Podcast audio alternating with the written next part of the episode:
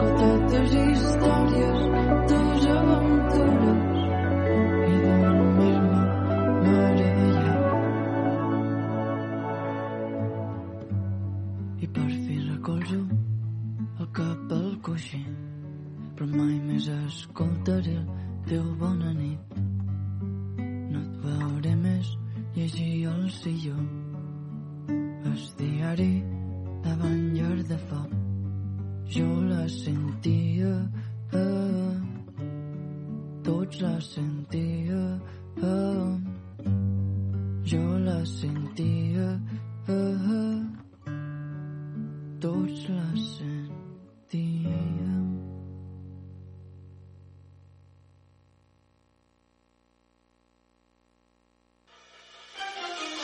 veu de Vila, amb Marçal Llimona. Ràdio Vila, l'emissora municipal de Vila de Cavalls.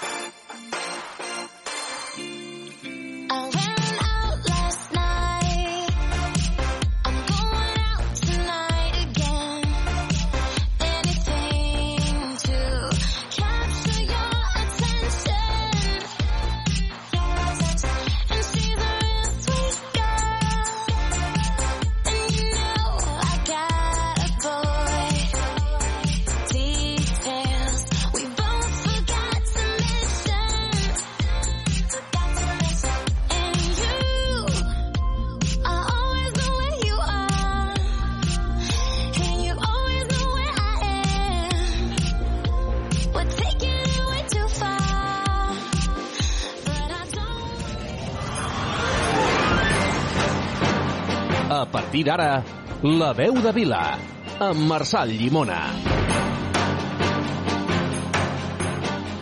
Vinga, senyals horaris de les 6 i, 6 i 2 minuts de la tarda. Bona tarda, benvinguts, ben tornats aquí a la veu de Vila. Des d'ara i fins a dos quarts de vuit ens apropem a tu, que ens escoltes des de qualsevol, des de qualsevol punt aquí i trobaràs actualitat a la veu de Vila, històries i entreteniment. Som la veu de Vila, som a Ràdio Vila. Comencem.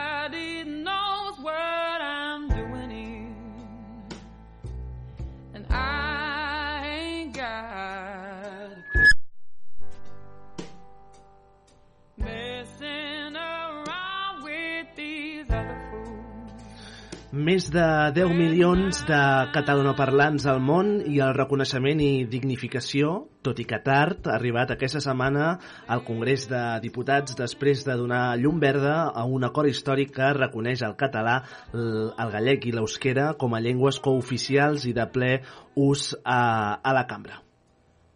There's L'acord, com dèiem, tot i que arriba una mica forçat, però amb una àmplia majoria de la cambra espanyola, també arriba precedit de dècades de reivindicació i lluita de molts diputats i diputades catalans, eh, entitats, societat eh, civil, que han fixat el debat a l'agenda pública com a nexe d'unió entre territoris. Més de 10 milions de catalanoparlants al món, però no hauran estat prou, segurament, per tal que aquest acord històric no arribés abans. Arriba ara, de fet, perquè el Partit Socialista necessita, recordem-ho, de majories àmplies i d'acords transversals per arribar a formar un govern i tot el que, tot el que això implica.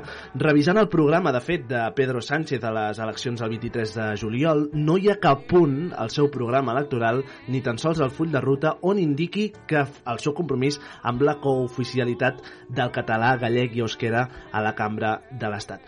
Però programes a banda, en tot cas, és motiu de celebració el que ha passat aquesta setmana a Madrid, que ajuda, sobretot ajuda, i contribueix a la normalització, la plena normalització de l'ús del català arreu, també a les cambres eh, representatives. Però mentre Madrid s'aprova, continuem pendents del que pugui passar a la Unió Europea les properes setmanes amb l'acceptació o no del català a la cambra i veure així, una vegada més, si la Unió Europea fa honor al seu nom, Unió de Països, o fa bandera del que malauradament massa cops hem hagut de veure, el club privat de quatre països que volen concentrar el monopoli. with Sigui com sigui, i actualitat a banda, queda palès ara més que mai que les llengües, sigui el català, sigui el gallec, l'eusquera, l'aranès, l'aragonès o el suahili, no són mai un problema, sinó un motiu i una oportunitat de cohesionar societats a través del coneixement de la història i de la diversitat. Ara, més que mai, fem servir el català. Divendres, divendres 22 de setembre, atenció, darrer dia de l'estiu astronòmic, a partir de demà dissabte entrem en plena tardor i una tardor que s'allargarà fins al 22 de desembre. Són les 6 i 6 minuts, benvinguts a la veu de Vila, avui pel català.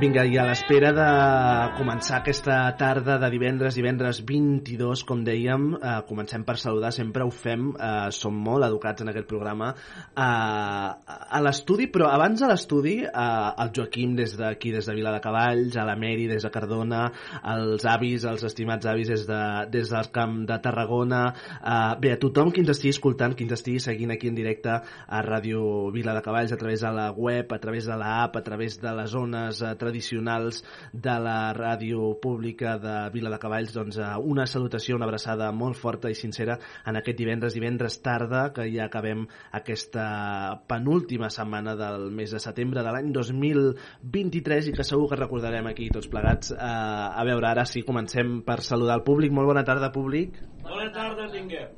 Molt bé. Escolta, em, falta una, una altra part. Bona tarda, tinguem. Els pobres. I després? Els rics que els doni. No? Bueno, hi ha molts rics al món? Jo què sé. Tu no- no... es tornessin escorpins les peles que tenen, cony. bueno, sempre està bé començar amb una mica d'alegria i el Lluís sempre ens assegura aquesta, aquesta alegria, clar que sí. Escolta, Antònia Moscoso, bona tarda. Bona tarda. Com estàs? Bé, bé, bé. Bé, bé, bé, bé. Sí, sí, sí, sí. Sí, sí, sí, sí. molt bé, molt bé.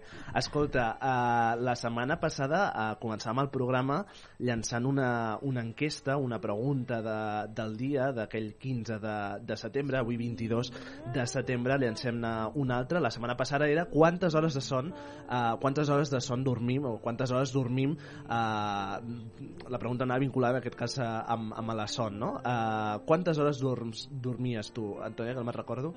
Jo molt, molt poquetes. Sis, Molt poquetes. Sis hores? Tantes, sis, tu? Sí. Sí? Sis, sis màxim. sí. I mínim? Mínim tres. Mínim tres. Això és un drama, eh? No, no, no és No. cap drama. Suposo que el cos s'acostuma. Sí, s'acostuma mai a anar... Dic jo. Sí? Llavors sempre vas cansat, no? Bueno, quin remei. Però bueno. Escolta'm, estem a finals de setembre... Bueno, llança la pregunta de- d'aquesta setmana. Aviam, quina pregunta fem aquests de, aquest divendres? Ostres, eh, jo la pregunta que faria, quin propòsit, perquè que, quan comença, o s'acaba l'any, o Sí. comença una, o s'acaba l'estiu, comencem i tenim un propòsit de farem farem ioga, farem classe, farem Sí. anglès, farem cuina, farem no sé què. Quin propòsit té cada un? Tu quin propòsit tens, Antònia? Explica'ns, estimada Antònia. Eh, eh, jo per mi, com ja sabeu que la meva, la meva passió és la cuina, doncs Sí. per mi seria fer un curs de cuina a Perpinyà. Un curs de cuina a Perpinyà. Mm. Carai. Però per algun motiu concret? O perquè avui han anunciat l'obertura de la dele- No, delegació és- de és- TV3, per cert, després de 10 anys eh, reobren la delegació de TV3 i Catalunya Ràdio a Perpinyà Ah, i doncs reforcen al País Valencià i a les Illes. Això és una notícia fantàstica pels mitjans Doncs públics no catalans. ho sabia, no ho sabia. No té res a veure, eh? No, no, no val, val, no, no, dic, mira No l'Antònia que, que connectarà amb l'actualitat. No, no, No té res a veure, però ja fa molts anys vaig anar a fer un curs de cuina amb un, amb un pastisser que es diu Olivier Arbejar Sí? i va ser un curs de cuina molt maco, vaig passar-ho molt bé i va ser una experiència molt, molt, molt, molt agradable per mi i m'hi agradaria tornar-hi a anar. T'agradaria El que passa és que és difícil, difícil perquè costa molts calés Clar. i llavors és clar, però bueno, que m'agradaria, m'agradaria, és una cosa que tinc pendent. Uh -huh.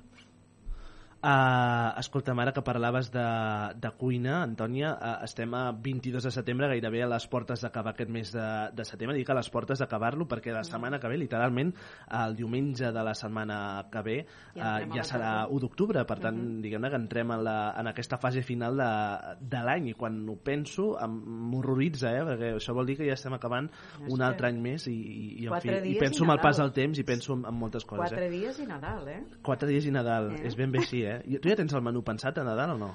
Home, encara no, Encara. encara, no. Ja vaig rumiant, eh? bueno. Vaig rumiant per fer les classes de cuina, ja vaig rumiant algunes coses. Uh -huh. Però- Jo penso que quan acabem les vacances, eh, bueno, jo abans les acabava el, normalment a finals d'agost, ara no sé quan les acabo ni quan les començo, però bueno, en tot cas, quan, quan acabàvem les vacances, abans tenia sempre el costum de que eh, cap allà a principis de setembre, és a dir, ara ja, ja seria l'època perfecta, eh, sempre trucava la meva tieta o la, o la meva àvia, se'n recordarà perfectament si, si ens està escoltant segur, eh, ja, ja demanava pel menú de Nadal, aviam, què, què farem, eh? I, i sempre el mateix, eh? carn, carn d'olla i, i una mica de, de carn, però vaja, que sempre, sempre és aquest ritual de, de vinculat sempre amb la cuina, aquesta tradició, etc. no? Bueno, és que les tradicions s'han de conservar i el menú de Nadal s'hauria de conservar.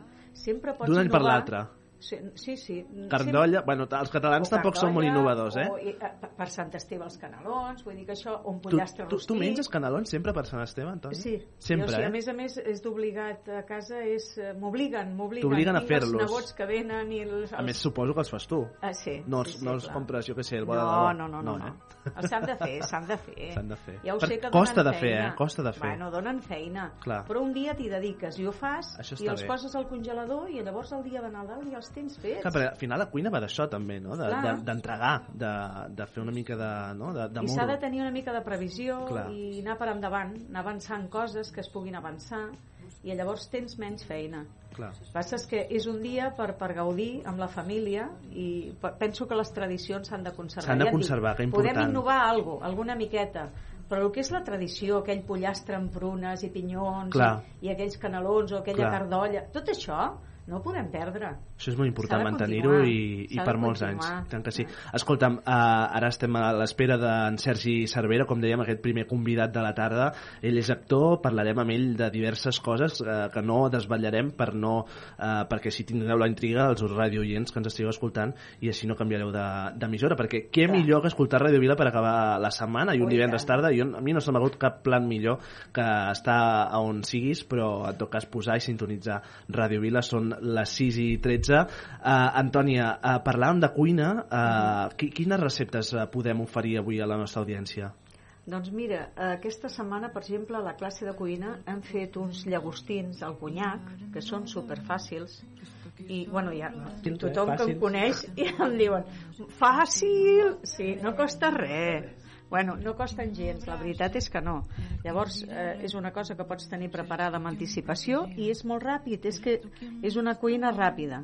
I llavors de postre vam fer unes coques de full amb unes figues eh, rostides amb espècies i una crema de, de formatge i iogurt grec i la veritat és que Carai, mm, escolta. a més a més producte de temporada. I de ara és època de figues i de proximitat. És època de raïm és època de poma eh, préssec de calanda que ara es- està al seu millor moment. Carai. i hem de fer bueno, productes de proximitat. Doncs això, Per animo tant- a tothom que facin coses d'aquestes i receptes eh, senzilles que dius, ostres, en un moment, i tant que sí. Més, eh, a mi m'agrada molt d'aprofitar també aquest espai, Antònia, per, perquè puguis explicar-ho, perquè sempre, com que fem el programa els divendres a la tarda, estem també a les portes d'un cap de setmana i per tant la gent, normalment la gent eh, té més temps per fer, per fer aquestes coses més elaborades, més, no? Que, eh, no sé, tu, tu, tu com, quan prepares el, els dinars, els sopars, com ho feu a casa, aviam? Ho fas una Home, mica sobre sempre, la marxa? Sempre ha de ten- s'ha de tenir una mise en place que es diu, Vale. que és una preparació prèvia. Vale. Eh? Clar, la Si cuina tu- això és elemental. Sí, és molt elemental. Si tu tens, una, si tu tens tots els ingredients tot preparats, Sí. tu, tu fas una bona mise en place, Sí, eh, tens mitja feina feta. clar. Llavors és, és molt pum, important. pum, pum, pum, Ahà. i en un moment tens... Bueno, eh, la setmana passada també vam fer a la classe de cuina uns canelons, Sí. però amb crep.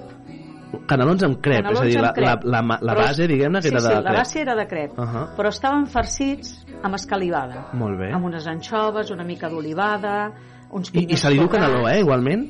Com? Se li diu caneló, igualment, Sí, eh? bueno, jo li dic caneló. Vale. Digue-li com vulguis. Sí, sí, sí. sí, Digue-li sí. com vulguis. La Deliciós, forma... deliciós segur. La veritat és que pots fer el caneló del relleno que et sembli, d'una brandada de bacallà, de qualsevol cosa. Vull dir que en un moment Clar. tu tens els creps fets, omple'ls de lo que vulguis, de lo que t'hagi quedat a la nevera. Clar, ideal. a la nevera, busca el que hi hagi. Ideal. Si hi ha, t'ha sobrat una mica de, de bacallà amb sanfaina. Clar. No, no, doncs és ideal, fes ideal. un bon trinxadet, omple aquest caneló, I tant. fes una mica de Clar, beixamel mira, i al forn. un quart de- tens un dinar. un quart set de la tarda eh, parlàvem d'aquesta cuina, de cuinar, de, del temps per també aprofitar per cuinar. Eh, L'altre dia justament a Cardona eh, parlava amb una, amb una veïna, la, la Rosa, que té un comerç, un establiment eh, local allà a Cardona, que, en fi, que parlàvem dels hàbits de compra, no? de, de que abans notàvem molt notaven molt més eh, aquesta, aquesta, aquests hàbits de compra de, de la gent, no? que anaven molt més a comerç local, que per tant doncs, eh, compraven molt més producte no? de proximitat, de quilòmetre zero, aquesta elaboració pròpia en aquest cas, eh, i que això com ha canviat, no? Per exemple, tu, Antònia, qui, eh, tens hàbits d'anar al mercat, d'anar al comerç local a comprar aquest producte més de proximitat de- d'aquí del poble, de, etc. No, no sé Sí, com ho sí. fas. Sí? A mi m'agrada molt, si per exemple doncs, hi ha algun veí doncs, que té un hort, doncs aprofitar i si té tomàquets, Clar. si té pebrots, Mhm. eh, anar-ho a buscar i si conec algú de la, molt a la vora doncs, que fa formatges, doncs vaig a buscar els formatges, eh, els ous eh, tot el que és la verdura procuro eh, Mhm. que sigui de proximitat. Si no pot ser, doncs, bueno, te'n vas al supermercat o a la botiga de confiança o a la, o a la, a la verduleria i llavors agafes I fas, eh, algú que sàpigues que és eh, de proximitat. Ja ho sé que Clar. a lo millor és una miqueta més car, Mhm. però és que estem promovent el producte de- de- de- d'aquí al costat de temporada. Estem ajudant els nostres veïns. Mhm. És que si no fem aquesta pinya, I tant. Que malauradament, la que cosa important. és que vas al supermercat i absolutament està tot fet. Mhm. Tu pots comprar i fer el, tens tot el menjar de tota la setmana preparat, I tant. microones i fora i, I ja i a dintre però I zero esclar, preocupació, eh? clar, però Clar. Això, és, això és la teva salut la que repercuteix I tant, i tant, i tant. Va. Senyals horaris d'un quart i dos minuts de, de 7 de la tarda, a les 6 i 17 de, de la tarda. Comencem aquesta tarda, com dèiem, de divendres, divendres 22 de setembre, eh, parlant de teatre, de cinema, de cultura, aquí a casa nostra per fer-ho. Saludem en Sergi Cervera, molt bona tarda. Hola, molt bona tarda. Com Quant estàs? Temps. Benvingut, Long benvingut, time ben no tornat. see. Gràcies. Que bé. Escolta, ara quan feia que no trepitjaves els estudis de, de Ràdio Vila de Cavalls? Doncs, si la memòria no em falla, crec que la darrera vegada va ser a l'inici del desconfinament que em veu convidar Cert, just al cert, cert, molt cert, poc cert. temps, o sigui, acabàvem, començàvem allò a la fase 1 i totes aquelles Cert, coses. ostres, queda enrere això, eh, però... Allò queda, tots amb mascareta Clar. tots, Tots amb mascareta, Sí, no sí, però, parlen, però era, no. era presencial, Sergi, o era... Sí, sí, sí. Era, sí, sí. era presencial. Va ser una d'aquelles primeres Ostres. activitats a fer, em feia molta il·lusió, Clar, no dic clar, que avui clar. no me la fes, No, eh? home, i tant, i tant. però em feia molta il·lusió allò sortir de casa, agafar la moto i venir-me fins, És veritat, és veritat. fins aquí, pues, només per l'experiència. I tant, i tant, i tant. Agraït, en Sergi Cervera, que ens acompanya aquesta tarda. En Sergi Cervera, com dèiem, com a presentàvem a l'inici, és actor, director, productor, professional. Eh, ell va començar la seva aventura de les arts escèniques als 10 anys, que ara en parlarem sobre aquesta, sobre aquesta dada, començar amb 10 anys només eh, aquesta aventura. Eh, a més de la seva carrera com a actor, des de l'any 2010 ha treballat com a professor d'interpretació també en la disciplina de càmeres, eh, de càmera en diverses escoles, també és professor oficial de producció i realització cinematogràfica. Eh, de fet, segurament també el coneixereu per haver participat en sèries com El Caso, Cites, Merlí, La Riera, Hospital Central i, i a l'altra punta de l'oceà Atlàntic, als Estats Units, ha col·laborat amb la televisió eh, l'ATV, si no ho dic malament. era- LATV. LATV. Latin Alternative Television. LATV. Yeah. En el món del cinema, en el món del cinema volíem dir, Sergi Cervera acaba de protagoni- protagonitzar Tocats pel foc, una adaptació de la novel·la de Manuel de, de Manuel de Pedrolo. Entre Ja fa un temps, ja fa una miqueta Ja fa un temps. eh? Exactament? Home, doncs del rodatge igual 4 anys i de l'estrena, perquè va enganxar la pandèmia i tot allò, de l'estrena oficial va ser el FICAT i després a TV3, Mhm. d'ara farà dos anys, dos anys, dos anys. déu nhi Doncs, eh, en tot cas, ara fa un temps... Acaba, acaba de fer dos anys... Eh, Acaba de fer dos anys. De tocats pel, pel foc, eh, com dèiem, aquesta novel·la de Manuel de Pedrolo, entre d'altres que ara, ara tindrem l'oportunitat de, de desgranar. Però abans, anem per pams, comencem amb aquesta, amb aquesta dada que explicàvem, que comences als 10 anys eh, en Mm. tot aquest món, diguem-ne. Explica'ns això. I aprofito i faig un, momentet, un momentet de spam per Sí, actualitzar i tant, i tant, i tant. No deixeu de veure Netflix del Cuerpo en Llames. Ara parlarem, això- ara parlarem, que, que, això també és rigor... estem guanyant I espectadores tant, i, i tant, i tant. espectadors un a un. Ahir vaig estar fins les Un a 3 de la matinada mirant-ho, vaig acabar. Has acabat? Has L'he fet la acabada, marató, eh? l'he acabada. Jo he trigat, eh? Vaig, vaig acabar la setmana passada. eh? Déu-n'hi-do, costar, va- Una cosa senzilla, eh? Un cas Uh.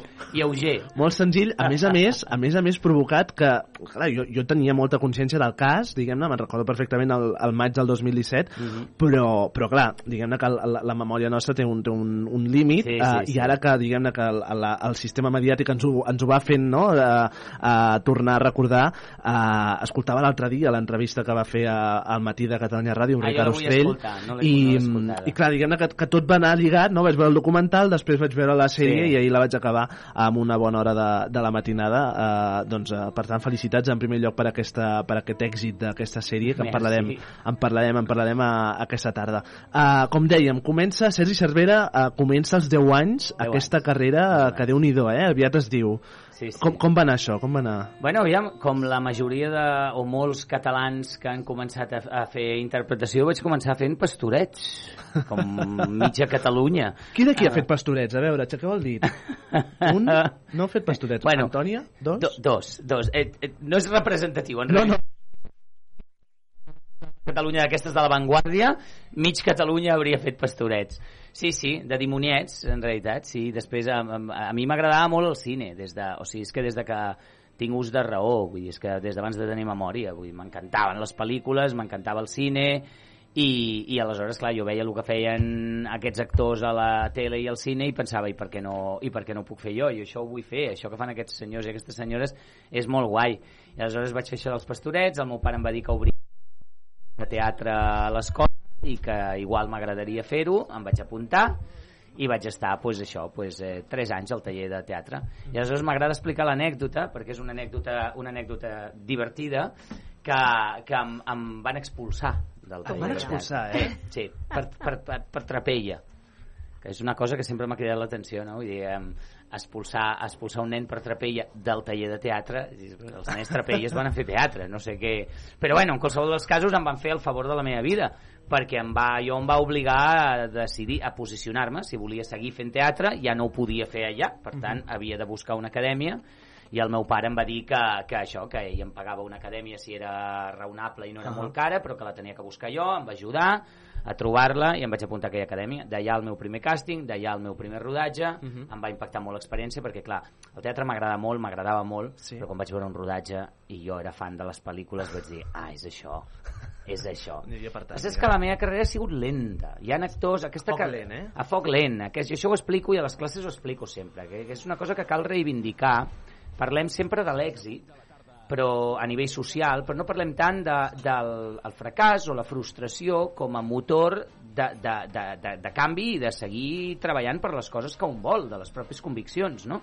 I aleshores, eh, bueno, aquesta és una professió molt injusta i molt random, i hi ha actors que tenen una carrera meteòrica, hi ha actors que tenen una carrera meteòrica i després s'acaben, hi ha actors que tenen una carrera meteòrica i mai s'acaba, n'hi ha altres que arriben en els 40, en els 50, actors i actrius, exemples n'hi ha molts, sol posar d'exemple que la, el Goya a millor actriu revelació, em sembla que és de l'any 2019, era una dona de 80 i pico d'anys. Ara no me'n recordo el nom, però, però eh, clar, eh, tot això trobo que es reivindica poc. Aleshores, jo la carrera així una miqueta arrencant em va arrencar fins gairebé als 30, una mica. Vull dir, anava fent cosetes, però m'ha costat ara, molt. Ara que, ara que ho comentes, eh, la setmana I passada... segueix costant, eh? que no em cauen els costant, guions. Eh? Vull dir, si algú està escoltant i em vol oferir feina, accepto Sempre... Clar, contrata. el, el, el, a la feina de- d'actor Sí. eh, es pateix. Sí, sí, clar, És un- clar. és Això ho ha de saber tothom. El que passa és constant. que, que en què no es pateix en aquesta vida. No, no, segur, segur, segur Clar, però vull dir que a diferència d'altres feines, segurament eh, aquesta és una, És una, feina que no és estable. És una feina que ni és estable, ni és fàcil, ni és meravellosa. Però val la pena. Absolutament si tens vocació. A, aviam, absolutament si tens vocació o si les coses et somriuen tant que no et suposa, no has de pagar el Clar. preu de, de ser-ho. Però no la feina d'actor, qualsevol feina que tingui vocació, vull dir, en aquesta vida, en aquest món, hi ha persones que es guanyen la vida provant matalassos. Hi ha persones que se'ls hi ha inventat el càrrec de eh, jugadors de videojoc professionals per provar-lo. En aquesta vida, al final del dia, hi ha gent guanyant-se la vida fent coses molt curioses que, que els fan molt feliços. Hi ha gent que, que menja pastissos i el, li paguen per menjar Per pastissos. menjar pastissos. Aleshores, al final del dia, si una persona no té una vocació, que construeixi la seva vida de la millor manera que li faci més feliç possible. Però si una persona té una vocació, encara que aquesta vocació sigui, eh, jo que sé, ceramista, doncs que ho faci i endavant. fes-ho. Clar, mira, la setmana passada justament entrevistàvem la- l'actriu Montplans Mhm. eh, i entre d'altres ens va deixar... Em va fer un cameo meravellós Sí? en, en una obra de teatre que vam fer que es deia The Trams fa uns anys. Ella The feia d'Angela Merkel i Ostres. estava divina, no? El següent, feia un riure que no es podia suportar. Doncs uh, l'actriu Montplans, com dèiem, ens va deixar alguns titulars, com ara la reivindicació de la gent gran al teatre, no? de que fer-se gran al teatre, doncs, uh, que, és a dir, que sembla que a partir d'una edat uh, determinada deixin d'haver papers uh, per l'edat. Això és així? Tu ho has vist? Que hi hagi gent que per la seva edat, per la seva condició de ser doncs, més de 65, per exemple, hagin, de ten- hagin deixat de tenir uh, papers al, al damunt de l'escenari? Sí, clar, és, mm, eh, eh, per, per ser majors de 65 o a partir de certa edat les dones, per exemple, paguen un preu més alt o, o, o a vegades simplement persones eh, que han tingut una carrera molt potent, actors o actrius que han estat 20 o 30 anys en, als escenaris i a la tele superconeguts, aquí a Catalunya i a Hollywood també, i que a dia d'avui eh, no ens en recordem. Per exemple, el cas del Brendan Fraser, que va guanyar l'Oscar eh, l'any passat per la ballena, eh, doncs, igual feia 20 anys que no treballava i que no. I estem parlant d'un actor que havia sigut de primera lliga a Hollywood. És una professió molt injusta que oblida amb molta facilitat a persones que ho han donat tot durant molt de temps. Això és així, sí, sí, és així, és així. Uh, més coses uh, relacionades també amb la- amb l'actualitat la, aquesta setmana, ho comentàvem al, al principi l'editorial del programa, és notícia aquesta aprovació de les llengües cooficials de l'Estat uh, al Congrés de, de Diputats uh, això és una bona notícia o et deixa de, allò indiferent? Home, això a mi no em pot deixar indiferent com a català No, no, no, parlant perdó, i, com a, i com a persona que, que, que de llengua aquí materna sí té una llengua minoritària. A mi em costa... Aviam, jo faré un esforç de deixar política al marge, Sí, sí, sí. Uh, no perquè no tingui cap problema en entrar política, ho he fet mil vegades, tant, ja ho saps, eh? tant, Vull dir, sóc una persona política, no sóc de carnet de cap tipus, però la segueixo i m'agrada Mhm. i crec que els ciutadans han d'estar, hem d'estar al corrent de la Mhm. política perquè és la gestió de tot el que ens afecta. Però vull deixar la política al marge. Em costa d'entendre... Jo sóc un amant de les llengües. Jo en les meves estones lliures estudio llengües només perquè em ve de gust estudiar-les. No entenc les persones que reivindiquen saber menys. No ho entenc, no ho entenc. Quin mal fa? Si tu parles una llengua, fantàstic. La llengua castellana és una llengua meravellosa, és una llengua fantàstica, em sento increïblement privilegiat d'haver nascut en un lloc que em permet parlar-la i comunicar-me amb la meitat del món. Però per què això és incompatible? Per què li ofèn algú que pugui parlar una altra llengua que, que no sigui... I aleshores, si l'estat espanyol, en aquest cas, a nivell constitucional, es defineix com un estat plurinacional, i les quatre llengües, eh, aquest estat reconeix constitucionalment, per, parlo de, per segons la Constitució, eh, no m'ho estic inventant jo, com a llengües cooficials el gallec, el basc i el català, la meva pregunta és perquè a les escoles públiques de primària d'Extremadura o de La Rioja o d'Astúries no s'ensenya una mica de català, Ah, de basc i de gallec, o perquè a mi quan era petit no m'ensenyaven a la primària a dir quatre coses en basc que m'encantaria i desgraciadament no l'entenc, el gallec sí que l'entenc, no el parlo però, però per, per què és tan notícia, per què ho fem tant, vivim clar, en, clar. en teoria segons la nostra Constitució, vivim en un estat que reconeix diverses llengües. Doncs pues fantàstic. Jo, per exemple, quan, quan viatges pel món, a la, a la gent de, dels països angloparlants els hi admira la nostra capacitat natural, els europeus, així en general, de parlar diverses llengües. Llengües. Els hi crida molt l'atenció. I jo sempre reivindico de dir, mira, doncs jo vinc d'un país que tinc la sort de pràcticament per naixement parlar-ne dos. Clar, aleshores, quan a mi em parlen de que la llengua castellana a Catalunya està en, en perill, jo penso, escolta, escolta vull dir, jo, jo conec un munt de catalans que no parlen català, o que no el parlen bé o que no el saben parlar bé. No conec cap català que no parli que, que no sàpiga parlar castellà.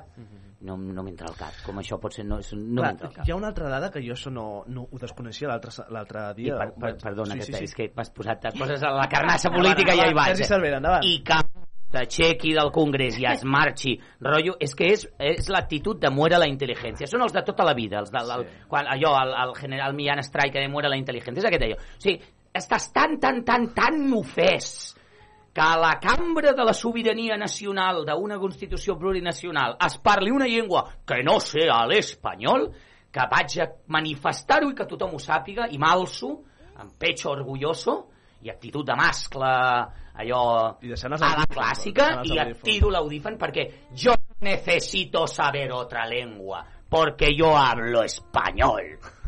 Patapum, i tots tirant allà orgullosos.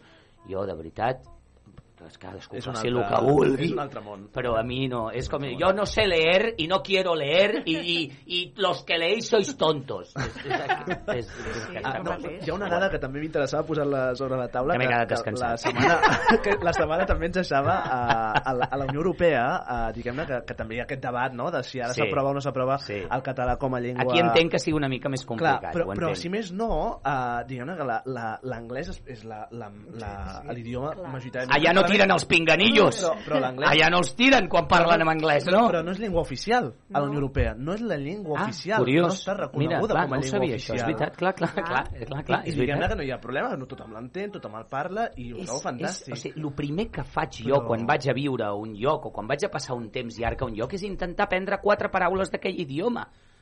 El català el parlen 11 o 12 milions de persones. És un idioma més parlat que algunes de les llengües oficials d'alguns països oficials de la Unió Europea. Justament, eh, justament. I que no passa res, com si fos superpetita, que no passa res. Vull dir, però és que no... S'escapa. Per què creus que és una amenaça la llengua? O per què alguns ho viuen com Aviam, una aquí, amenaça? hi ha, aquí hi ha un problema que és la concepció. O sigui, hi ha gent en aquest país. Intentaré de nou, ja sé que és polític però intentaré no entrar en política perquè no és una cosa ni de No, no, no, carnets, no. ni de partits, ni d'ideologies. És una qüestió de la concepció de la vida hi ha persones, passa aquí a Espanya i passa als Estats Units i passa a tots els països hi ha persones que s'apropien de la bandera o s'apropien del concepte o del país o de la idea no? diuen, esto es una traición a Espanya diuen alguns, i a mi em flipa i m'encanta perquè és com els de la religió per exemple, no? et Són ve algú fanàtics. exacte, Fanàtics. et ve algú i et diu Déu diu bla bla bla i jo li podria contestar, escolta'm, jo sóc creient, jo sóc cristià i a mi Déu em diu el contrari Oh, sacrilegi! Per què sacrilegi? Però per què sacrilegi? Per què a tu Déu et pot dir bla bla bla i jo no puc no. afirmar que a mi no bla bla bla? O és que ho diu la Bíblia? A que te l'has llegida que te l'has llegida tota, perquè si ens posem a treure coses que diu la Bíblia, n'hi ha unes quantes. Jo vaig tenir una educació religiosa. Diu unes quantes coses molt interessants la Bíblia i altres que són zero interessants. Saps? Vull dir, hi ha gent que reivindica el mensatge de Dios que no s'ha llegit ni un sol passatge de la Bíblia. Hi ha aquell capítol meravellós de l'ala oeste de la Casa Blanca, Sí. fantàstic d'una de, la- d'una de les primeres temporades, on el president Bartlett a una fanàtica religiosa li fa aquesta reta. Lo dice la Biblia. Ah, sí? Pues entonces y le comienza a decir, tendría que matar a mis asesores porque trabajan en sábado. Tendría que obligar a casarse a mi hija porque no sé què. Tendría que matar a tots els jugadors de futbol americano perquè toquen, no es pot tocar pell de porc, ho diu la Bíblia. I una pilota de futbol està feta de pell De de porc. O sigui, eh, eh, eh, doncs amb la, amb, la, amb la nació, el concepte de nació, de lo que sigui per cadascú, la nació passa el mateix. Aquesta gent diu, traición a Espanya, hay que hacerlo por Espanya. I jo dic, i jo dic no dieu vosaltres que Catalunya és Espanya? No ho dieu també? I aleshores, segons els vostres arguments, no són els arguments ni d'un mm, independentista radical, de, segons els vostres arguments, aquí tots som espanyols també. Doncs digo jo que també el nostre punt de vista també hauria d'importar. I això és vàlid per tot. La gent que s'agafa a una idea i només ells o elles poden interpretar aquesta idea. És fanatisme? És fanatisme, absolutament. Aleshores, què passa? Que és la seva concepció d'Espanya, per ells és Espanya. I per mi, Espanya, o França, o Itàlia, o Catalunya, o el que sigui, és moltes altres coses. I aleshores eh, és, és molt difícil que és, que és dir que és un país o que és una cultura, perquè és que són milions de ànimes convivint en aquell lloc. Però hi ha un sistema que es diu votar, les coses es voten, tenim unes eleccions. Les eleccions determinen uns partits polítics. Bueno, no serà el millor dels sistemes, però ja és una manera de saber el que pensa la gent. Oh, doncs el mateix del Congrés dels Diputats espanyol diu una sèrie de coses. Que les escolti, que les interpreti qui vulgui. Jo, jo aquesta manera de funcionar em, em desborda, perquè és eh, calla't la boca i jo et diré el que has de ser, el que has de pensar i el que has de dir. I, ah, clar, aleshores apareix una gent que parla una altra llengua o que pensa d'una altra manera. No és una qüestió de la llengua, és que és qualsevol cosa que els qüestioni a ells. Saps? La llei de l'avortament també és traïció a Espanya. Eh, el divorci també és traïció a la religió. Aquesta gent deia, quan es va aprovar la llei de matrimonis homosexuals l'any 2005, que això rompia la família. I mira, escolti'm, a veure, aquests es van oposar a la llei del divorci i ara la meitat estan, divorciats. Aquesta gent es va posar al matrimoni gay i la meitat estan en parelles del mateix sexe. Aquesta gent es van oposar a l'avortament i la meitat de, de, de, de les seves famílies o d'elles mateixes han avortat. No, no, no és el mateix. O sigui, em, tu defenses que si jo no sóc feliç amb el meu matrimoni em pugui separar i si tu no ets feliç amb el teu matrimoni i vols seguir R que R ho, ho puguis fer i jo defenso que tu has de ser infeliç i jo també. No, no és el mateix. Uh -huh. A la llei d'eutanàsia, el mateix. O és que eh, promueven l'assassinat. No, miri, miri, miri. Si tu, perquè Déu t'ho ha dit, vols morir patint agònicament fins a l'últim de jo, jo defenso el teu dret. Deixa'm a mi fer el que jo vulgui. Aleshores, no pot ser equivalent. No és equivalent. El, el, una manera de, fa, de pensar defensa la convivència entre totes les maneres de pensar, l'altra manera de pensar diu, com jo sóc infeliç, tots i totes sereu infeliços. Ah, això s'ha de combatre. Uh, uh, Sergi, anem a parlar de, de cinema. Que és el que hem vingut. Deixem l'actualitat de, de... Perdó, no, no, no, perdó, dona, ja, dona, ja passa dona- preguntes i passa això. Dona per parlar, segur que sí. Uh, haurem de convidar-te a una tertúlia Sempre i que que, vulguis, i que puguis fer-ho, i tant. Uh, escolta, parlant de cinema, com dèiem, uh, de cinema, concretament ens interessarà parlar amb tu uh, que aquest estiu una de les pel·lícules que més ha triomfat a la cartellera a casa nostra ha estat Barbie. I que tu... Havia- Tu concretament hi, hi apareixies com a figurant. Sí, Explica'ns això, explica'ns Ah, això. sí? Ostres. Amb un llibre de... del Joan Anton del català, Joan un llibre en català. Surt un llibre en català. La, Explica'ns a això, la- com va. Que fort, noi. Bueno, aviam. Tu vas a gravar als Estats Units? Sí, sí, sí, Aquesta- sí. Clar, clar, jo fa anys que vaig allà una part de l'any a treballar, sí. bueno, el seu dia vaig anar per intentar pues, guanyar-me la vida allà, després em va començar a sortir, la meva carrera va arrencar més aquí, i aleshores tenia aquell dilema, perquè clar, aconseguir que et donin els permisos de treball o de residència és un treball d'una vida sencera, pràcticament, no?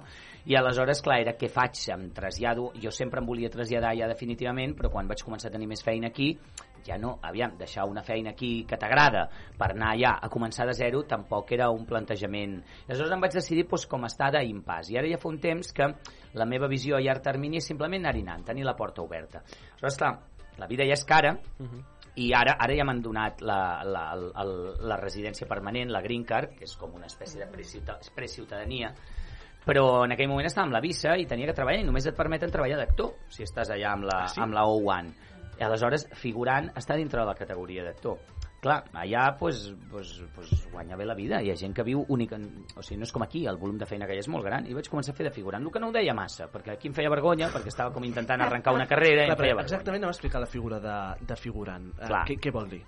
Bueno, allà, el figurant és, eh, totes les pel·lícules necessiten, doncs, eh, doncs, en qualsevol escena eh, hi ha vida, salvo que estiguem sols a casa, al, al, en el món hi ha vida. Aleshores, la figuració és aquelles persones diguéssim, que completen i complementen aquest, aquesta vida. Són eh, uns professionals que es dediquen a ser aquells personatges que no tenen cap mena de protagonisme de qualsevol moment i circumstància. Molts actors han començat a treballar així. Estàs en un bar i tens dos protagonistes i de fons hi ha 15 persones prenent un cafè, Per exemple. no? per posar un exemple. Aleshores ho vaig començar a fer per diners, perquè necessitava diners, el que passa és que em feia vergonya i no ho deia tant. A més, allà hi ha la cosa del sindicat, del union, non-union. Si ets non-union, el tipus de figuracions que fas són, no són especialment vistoses. Però amb el temps, i a més un dia estava parlant amb el Marc Martínez i em va dir, i em va dir això, pots estar molt orgullós d'això, no? I, I vaig pensar, doncs és veritat, no sé per què me n'he d'amagar. I aleshores, a més a més, vaig entrar al sindicat i aleshores el tipus de figuracions que em van començar a oferir eren més interessants. I em van dir, doncs, em, em van fer aquest càsting eh, a través de l'agència, m'ho van dir, i jo no tenia ni idea, o sigui, jo no tenia ni idea. I una amiga meva, que és figurant professional allà, em va dir, ala, que suerte! Diu, tothom està parlant d'aquesta pel·lícula. Doncs pues vale. I aleshores jo arribo allà i, i veig un tio que s'assembla molt al Ryan Gosling i una tia que s'assembla molt a la Margot Robin allà vestits de manera llampant, però m'hi fixo i no són ells. I penso, on estic exactament? Perquè jo anava per diners, a mi tant se me'n fotia. I aleshores dic, a veure, a veure un moment, hòstia, a, a veure si aquests són els stand-in, els, els, els, o sigui, són un tipus de figurants que, que, que són una rèplica de l'actor protagonista perquè es puguin ajustar el plano i quan està tot llest per gravar, aleshores arriben els actors. Aleshores, efectivament, veig que venen un parell de SUVs negres, obren la porta i surt Margot Robin i Ryan Gosling, eh, ens saluden i es col·loquen allà mateix. I aleshores, clar, a mi m'havien col·locat en un lloc que estava a, a, a dos metres d'ells. Estava sentat llegint. Aleshores li vaig dir a, a direcció, li dic, eh, puc llegir el llibre que m'estic llegint? Diu, sí, cap problema. Aleshores, bàsicament, vaig pensar, doncs m'estan pagant una jornada completa per estar sentat un matí Llegint un llibre. llegint un llibre que a casa m'estaria llegint igualment, sí. a dos metres de Ryan Gosling i Margot Robin, i a Ni tan més... mal. Ni tan mal. Ni tan mal, no. Ni tan mal, ni Greta Gerwin per allà donant indicacions, i de cop i volta, clar, el que veig és que està molt a prop i bueno, ja me n'oblido i clar, quan veig la pel·lícula fa riure, són 10 segons només però hi ha tres persones en aquell plano. Només hi ha tres persones, una es diu Margot Robin l'altra es diu Ryan Gosling i l'altra sóc jo. Que estic llegint un llibre, Un de llibre. Joan Anton Català això, un dia vam fer una entrevista a RAC1 i em van portar el Joan Anton Català Home, per favor. que jo l'admiro molt professionalment, admiro molt la seva tasca divulgativa Sí. i esteu ja, és, és realment Surrealista. surt un llibre en català a la pel·lícula Bueno, mira, sortien abans a, a sí, pel·lícules eh, internacionals un llibre en català. Que... No, no, una quantitat d'articles aquest estiu per aquest tema, que vamos, he estrenat obres de teatre, m'he dedicat a, a, a, a coses de I televisió a intentar que es promocionés i no ha tingut tant, tant pas com a- mediàtic com, a, com hi ha hagut amb això. Sí, sí. Uh, escolta, en tot cas, comentant aquest èxit i més enllà de l'anècdota divertida uh, de Sergi Cervera a la Barbie, uh, que, com explicaries Que, una per mica... cert, perdona un Sí, sí, matís, sí, sí. una curiositat vinculada a lo que deies de les llengües, van sortir alguns articles a mitjans catalans i alguns articles a mitjans eh, d'àmbit estatal. Estatal. Aleshores, els articles de mitjans catalans deien coses com l'actor català que surt a Barbie i tu no ho sabies, o el llibre en català que surt a Barbie, o en l'article, en el cos de l'article deien i l'actor està llegint un llibre en català de Joan Anton català Remarcant-ho constantment. Vull remarcant bueno, la catalanitat de, de l'actor i, i el fet El llibre del en llibre en català. Els mitjans estatals era el actor espanyol que sale en Barbie. No lo sabies i cap menció del Del llibre, que llibre estava llegint. que estava Ja no un llibre en català, ni tan sols mencionar el llibre o l'autor del llibre. Això feia, feia, feia gràcia. Déu-n'hi-do, déu nhi déu Escolta, en tot cas, com explicaries aquest èxit de, de Barbie? Uh, tu que també hi has estat una mica des de dins, uh, com ho explicaries? Hi ha moltes coses aquí molt interessants a dir. La primera de totes és... Um, bueno, aviam, Barbie és un fenomen, és una nina que tots hem conegut, Sí, sí, a sí, Mattel, però clar, la pel·lícula, el plantejament que fa és molt interessant, més enllà de lo que pensi cadascú, és molt interessant, perquè sí que és una de les coses que tenen els bons guions, que si fas clic amb la idea que t'estan plantejant té tot el sentit del món. Anem a veure, o sigui, jo quan vaig sortir de veure Barbie, immediatament, em passa amb algunes pel·lícules, me'n vaig anar a la Wikipedia a llegir si era veritat tot allò que deia. Lo del Sugar Daddy Barbie, el, el Sugar Daddy Ken, perdó, Sí. lo de l'Alan, lo de les Barbies, la pres Barbie presidenta, Barbie piloto, Barbie... Aleshores, de cop i volta, per primera vegada, surt una nina eh, amb, amb, amb potència sexual, o sigui, les nines eren com eh, bebès o mamis, i de cop i volta surt una dona atractiva, esbelta, canònica, etc etc i ho peta a nivell mundial. Fantàstic, es converteix quasi en una figura eròtica. Val?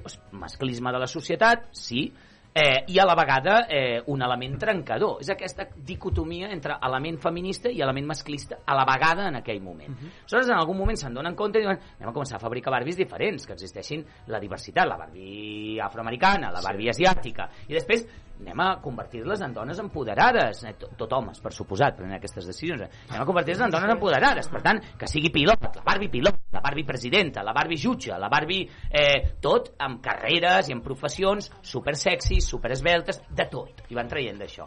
Vale, fantàstic, fins aquí tot ok.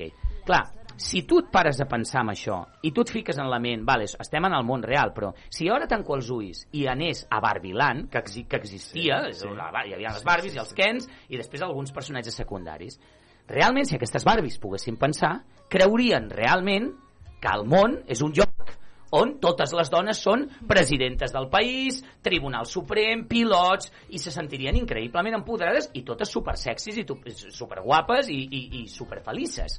I els Kens són els seus complements. Per tant, si entressis a Barbiland i et connectessis amb la manera de pensar, o sigui, connectessis amb, si aquestes nines poguessin pensar, realment creurien que el món és una utopia igualitària entre homes i dones, on les dones són l'element principal i els homes podrien tenir aquest punt de frustració de dir aquí som només el complement de, perquè el Ken sempre ha sigut el nòvio de la Barbie.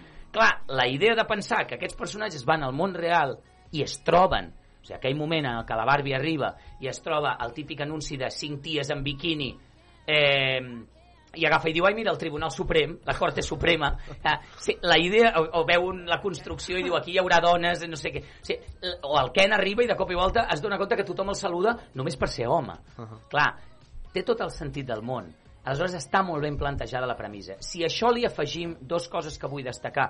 La primera, la Greta Gerwig, que és una de les directores sí. més prominents. O sigui, no han agafat un director mainstream tradicional, han agafat una directora indie reconeguda que ha, ha tingut la seva presència als Oscars, o sigui, una, una, una, una tia amb les seves idees potents i amb la voluntat de fer una història potent. I el més important de tot, la Margot Robin és la productora. Perquè allà als Estats Units hi ha la tradició, que és una cosa que reivindico i que aquí no passa tant, hi ha alguns casos, però no passa tant, de que els actors que triomfen dediquen una part del seu salari a construir productores i a produir projectes que van en una línia de pensament de les idees en les que ell, uh ells creuen. La Reese Witherspoon va construir una productora i va dir només produiré projectes que expliquin històries de personatges femenins forts diguéssim, per exemple. Uh -huh. Això té molt de mèrit. La Margot Robin va llegir el guió de la Greta Gerwig i va dir ojalà ens ho deixin fer això, perquè això és boníssim i jo ho produeixo. Aleshores, clar, aquí hi ha un munt d'ingredients que fan que això s'hagi convertit en un fenomen i és molt interessant aquest plantejament. Vinga, tres quarts i un minut de set de la tarda. Encarem aquesta part final de l'entrevista amb Sergi Cervera, com dèiem... Masses actor- preguntes veig que tens aquí. Està molt bé, Ja està molt bé. Està com una bé. persiana. Escolta'm, uh, un dels èxits, ho comentàvem al principi, un dels èxits innegables de, del moment, també de l'actualitat, el trobem a Netflix amb, el, amb Un cuerpo en llamas, la història, com dèiem, eh, que explica l'assassinat de la Guàrdia Urbana de Barcelona amb el cas de Rosa Perales i diversos... No? Ai, Mhm. Peral, Peral, Mhm. no, no, tinc el Perales al cap. José Ah, Luis Perales. José Luis Perales. Ahir m'ho deia una amiga, eh? M'ho deia una amiga, diu, escolta, José Luis Perales és un... i Rosa Peral És un no altre. Ojo, diguem-ne, que aquí una combinació No, no, interessant. Rosa. Perales i José Luis Peral. pot sortir de tot. Uh, com dèiem, el cas de Rosa Peral, uh, de la Guàrdia Urbana de Barcelona, i participa uh, Úrsula Corberó, uh, Quim Gutiérrez, José Manuel uh, Poga, Isaac Ferriz, uh, Eva Llorac i Sergi Cervera. Uh, Explica'ns una mica primer uh, el cas, una mica què et sembla, no? És a dir, el tractament d'aquest cas, de, a, a, la, com dèiem, el dilluns, el dilluns 20, a Catalunya Ràdio, Ro, la mateixa Rosa Peral deia, criticava aquesta sèrie, no?, el, el tenir... Sap doncs, greu, eh, quin greu, eh, quin greu, que, quin greu em fa saber que la, que la convicta, que l'assassina convicta a 25 anys en sentència ferma no se senti del tot eh, cofoia i contenta no, està- amb està aquesta clar. sèrie. Però, quin greu. en tot cas, el, el comentar una mica no, també aquesta, aquesta combinació de, de com està aquesta rebuda de la sèrie que es va estrenar, de fet, el, el dia 19, 18? Va ser fa dues setmanes, O- ara o no ja fa- recordo, sí, no me'n recordo el dia exacte, De però era un divendres, de fa, de ara fa dues setmanes. El 8 de setembre. Per això us animo a totes i a tots a seguir-la veient, perquè necessitem que fer. segueixi sent sèrie número 1 a I tant, i Netflix. tant. Sí. A Netflix, a Netflix. Tothom a, a, a mirar-la. Per tant, uh, Sergi Cervera, com dèiem, uh, com va anar la gravació i sobretot quin, uh, quin impacte està tenint ja aquests primers uh, dies, aquestes primeres setmanes d'aquesta sèrie a nivell, a nivell social també pel debat que s'ha tornat Bueno, a és, encendre. és, eh, és un fenomen. Vull dir, és un... Clar, perquè sub- esteu interpretant, perdona, uns fets que són reals. Ah, és a dir, no, no és ficció. ah. Això també em Aviam, sembla... sí, cuidao, sí, sí és ficció i s'ha un de que- reivindicar, que- que ha però és basada en fets reals, reals. amb alguns elements dramatitzats, i es diu al principi, i amb la ficció tot, sempre... Eh? Tot i surt el, el És fet... que ho has de fer. Poso un exemple. Vull dir, la Rosa Peral tenia dues filles i a la sèrie una. en té una. Per què? Pues per dues raons molt, tec molt tècniques i molt senzilles. Número 1, en guió, cada vegada que presentes un personatge, aquest personatge ha de jugar alguna engranatge a dintre de, de la maquinària. Si no, per què tenir dos personatges que representin el mateix? No? Vull dir, si tens el millor amic de la prota i el millor amic de la prota i aquests dos millor amics representen el mateix paper, doncs aleshores ho simplifiques amunt perquè a més a més rodar amb nens i menors d'edat és especialment complicat. Poso un altre exemple superfàcil d'entendre per, per tots nosaltres. Uh, no va existir el personatge del, interpretat per la Eva Llorac, la investigadora, sinó que va ser un equip de 12 Mossos d'Esquadra que van investigar. Si tu en una ficció tens que explicar el dia a dia, les frustracions i les felicitats i els conflictes personals de 12 personatges, l'audiència es perd. Tan simple com concentrar-ho en un personatge, és la investigadora I la- i ja de- està. Ah. Aleshores, això la ficció requereix d'alguns elements d'aquest tipus. Ara, sí, sí, a més a més està molt referenciat del llibre del Toni Muñoz, Sí. eh, del Crims, o sigui, les coses que planteja van passar i sobretot les que tenen vinculació directa amb el crim són coses que han passat perquè han estat provades eh, provades a partir d'indicis d'indicis molt sòlids eh? Una, també sentia aquesta setmana a, a Úrsula Corberó a, a la ventana de, de la SER, no? el Mhm. programa de la SER amb Àngels Barceló, eh, comentar que al principi va, va haver-s'ho de pensar d'agafar aquest eh, personatge, no? Mhm. al tenir en compte que, que, en fi, doncs, que és una persona que... clar, clar, entenc que és no, un personatge la de molta Peral responsabilitat És un, clar, clar, clar. En fi, és un, un i ho personatge fa que no és fàcil. fantàsticament Fa i molt ella és una molt actriu amb una potència i amb un talent increïble aleshores en, entenc que, que, que sentís aquest pes d'aquesta responsabilitat i me n'alegro de que acceptés I tant que sí. Uh, L'impacte, com, a, com creus que s'ha acollit? Uh, reaccions? Bueno, uh... a, a mi ja m'han fet arribar i amb molta alegria que és la segona sèrie més vista del món eh, en, en, dintre, de, dintre de llengua no anglesa, diguéssim, eh, i en el top 10 de les més vistes a 63 països del món. Això, doncs, bueno, i a Espanya, òbviament, la número 1, i ara, em sembla que Argentina també és la número 1, no estic segur, no vull dir alguna que no sigui, però vull dir, està, la sèrie està, està funcionant. I això, doncs, la veritat és que fa molta il·lusió, clar, perquè això són coses que no passen cada dia, sembla que la gent li està agradant, la gent l'està seguint i des de, des de Ràdio Vila hem de seguir tant, animant per favor. perquè, escolta, cada visionat compta. Cuerpo, un cuerpo en llamas. Cada visionat Antònia, compta. Mati? Jo ja he començat a veure. Has començat a veure Per quin capítol vas? Primer, el primer. Epa! Quantes coses falten per descobrir encara? El que passa és que em vaig quedar dormida al final i l'haig de tornar a començar a veure. t'he de dir amb poca vergonya que jo també, el dia de l'estrena, és que acabava i estava sentat al costat de la Mamen Duc i davant de l'Isaac Ferri i estava dormint de la sort que tenia. Vull dir, no passa res. S'entén, s'entén. S'entén.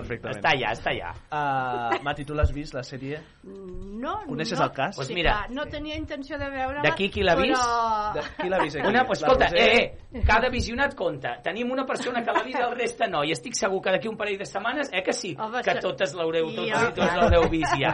La, Farem una- veritat, la veritat és una que marató. no m'entusiasmava veure-la. Però ara... Però ara ara, tens ara, ara, per veure-la. O sigui, no tens excusa. No em venia de gust, la veritat. Però bé. S'ha de fer, s'ha de Ara ja sí. Ara ja sí. Va, preguntes a, A més a Sergi més, Cervera, la, les endavant. declaracions que feia aquesta dona, eh, ella, ella diu que és innocent. Jo té una capacitat... ella a no, no, no, no ha fet res. A mi m'al·lucina perquè jo, jo tinc a vegades un excés d'empatia i cada vegada que jo l'escolto jo me la crec. Clar, i jo penso, també. pobra, que Jo- injusta, està allà tancada. Però no em torno a veure crims o em torno a llegir el llibre del Toni Muñoz. I dius, clar, és que aquests indicis Cuidado. cuidao perquè um, és un dels primers casos de condemna ferma en Espanya sense proves però a partir d'indicis. Sí, però sí. són indicis conclusius. Vull dir, una sèrie d'indicis... O sigui, que ella va agafar el telèfon del mort quan ja estava mort i contestava els missatges fent-se passar pel mort, això ha sigut demostrat. Aleshores, clar, tota aquesta cosa de soc innocent, jo me la crec. Jo l'escolto me la crec. Després innocent mi- en quant que ella no va matar directament, directament. però és que després quan mires Però, tots els clar, la indicis, dels fets- indicis provats, és que no és un indici, Clar. tota la cronologia provada d'indicis demostrats Clar. judicialment, bueno, jo no sé qui va agafar el- l'objecte contundent, perquè tampoc se sap l'arma del crim, i va fer catapum, jo no sé qui dels dos va ser.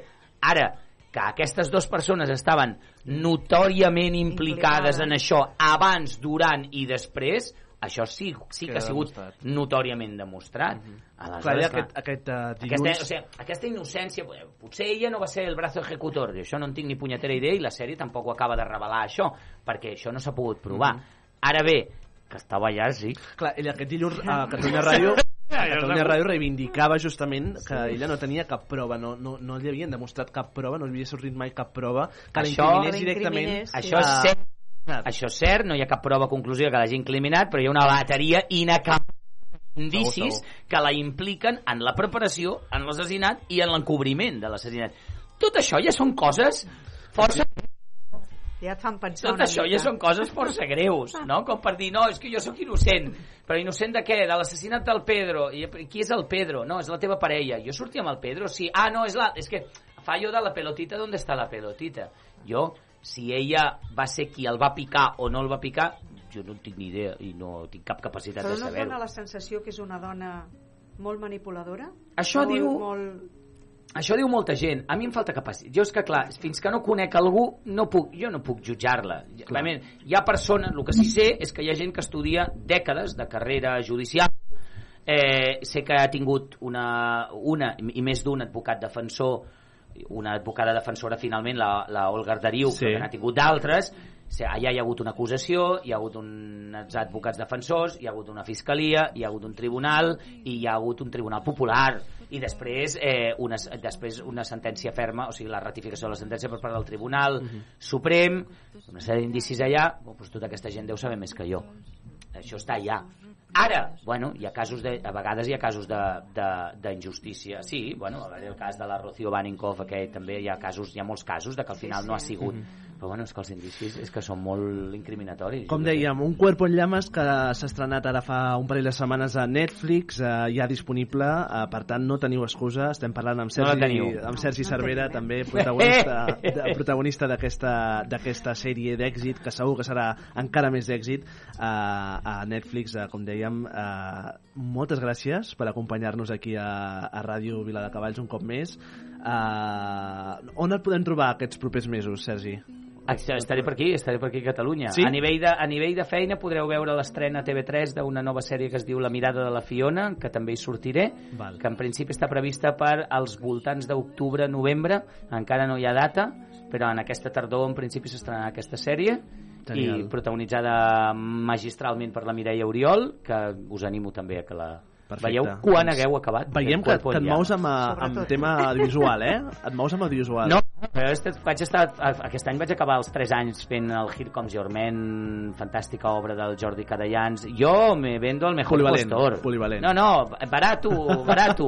Vull dir, Sergi Cervera, gràcies. Fins Gràcies ara. a vosaltres. Fins ara. les paraules que s'emporta el vent. Busco les brutícies que digueres fa temps. Busco les mentides, les frases fatals. Busco les ferides amagades pels anys. Busco tes mirades, punxants i brutals. Tes pors reprimides, que sé l'amor però fa mal. I ara m'enyoro de tots els nostres dimarts que em fa por que m'oblidis que res va ser i res serà. He comprat una altra ampolla de vi i a fumar. Fins que el meu cap ha desistit que això no és viure, que això no és morir, però prefereixo morir-me a preguntar-me per què visc.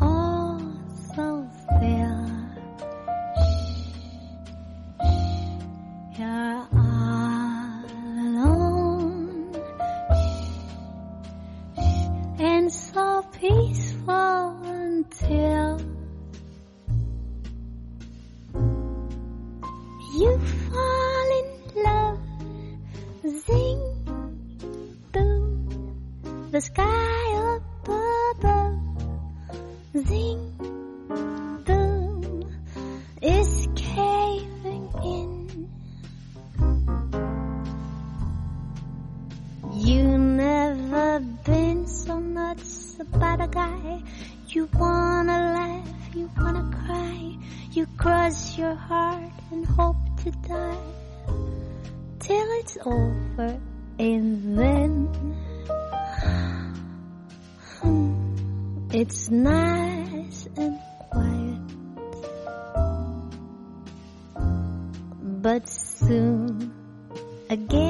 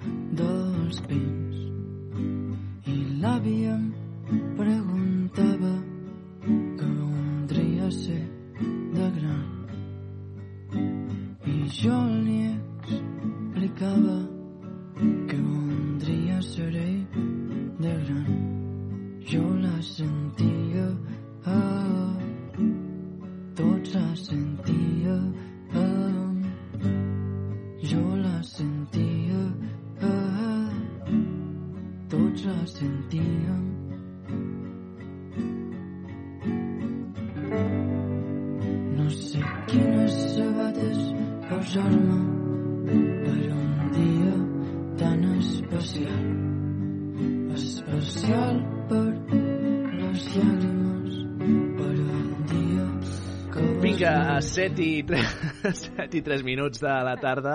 La veritat és que venir a aquests estudis sempre puja la moral, eh? Sí. Uh, Mati, com estàs? Hola, molt bé. Amb la Que no t'havíem saludat, no t'havíem saludat. No, però he arribat tard. Bueno, però l'important és que hi siguem. L'important és si som. Uh, Antònia, bé? Sí, sí, a Escolta, més a més... jo tinc un bon sabor de galetes ara mateix. Hosti, és Ah, que sí? sí. Un bon sabor de galetes. Per què serà? Per què serà? Que clar, jo he vist Suixart i dic, ui, ara avui ens portarà torrons, però veig que no. No, no, no. Són, és que jo les Boníssimes. capses aquestes... Però escolta, què és aquesta delícia? De, eh, què- de què són? No, són unes galetes de... escoceses, d'Escòcia. Són típiques d'allà. Vale. Has Són de lluny. mantega, Has anat farina lluny, i no? sucre. Però Farina i jo li he sucre. afegit el meu toque personal i li he posat uns xips de xocolata. Boníssims, de debò. Boníssims. Un aplaudiment per l'Antònia i aquests berenars de cada divendres que aquí a Ràdio Vila ens endolceix a les tardes. Gràcies. Uh, vinga, 7 i 3. Uh, continuem aquí en directe a Ràdio Vila de Cavalls. Una salutació com dèiem sempre, a tothom qui ens estigui escoltant, en especial a la Meri Duran de Cardona, als avis des de les terres de Tarragona, als meus avis, clar, eh?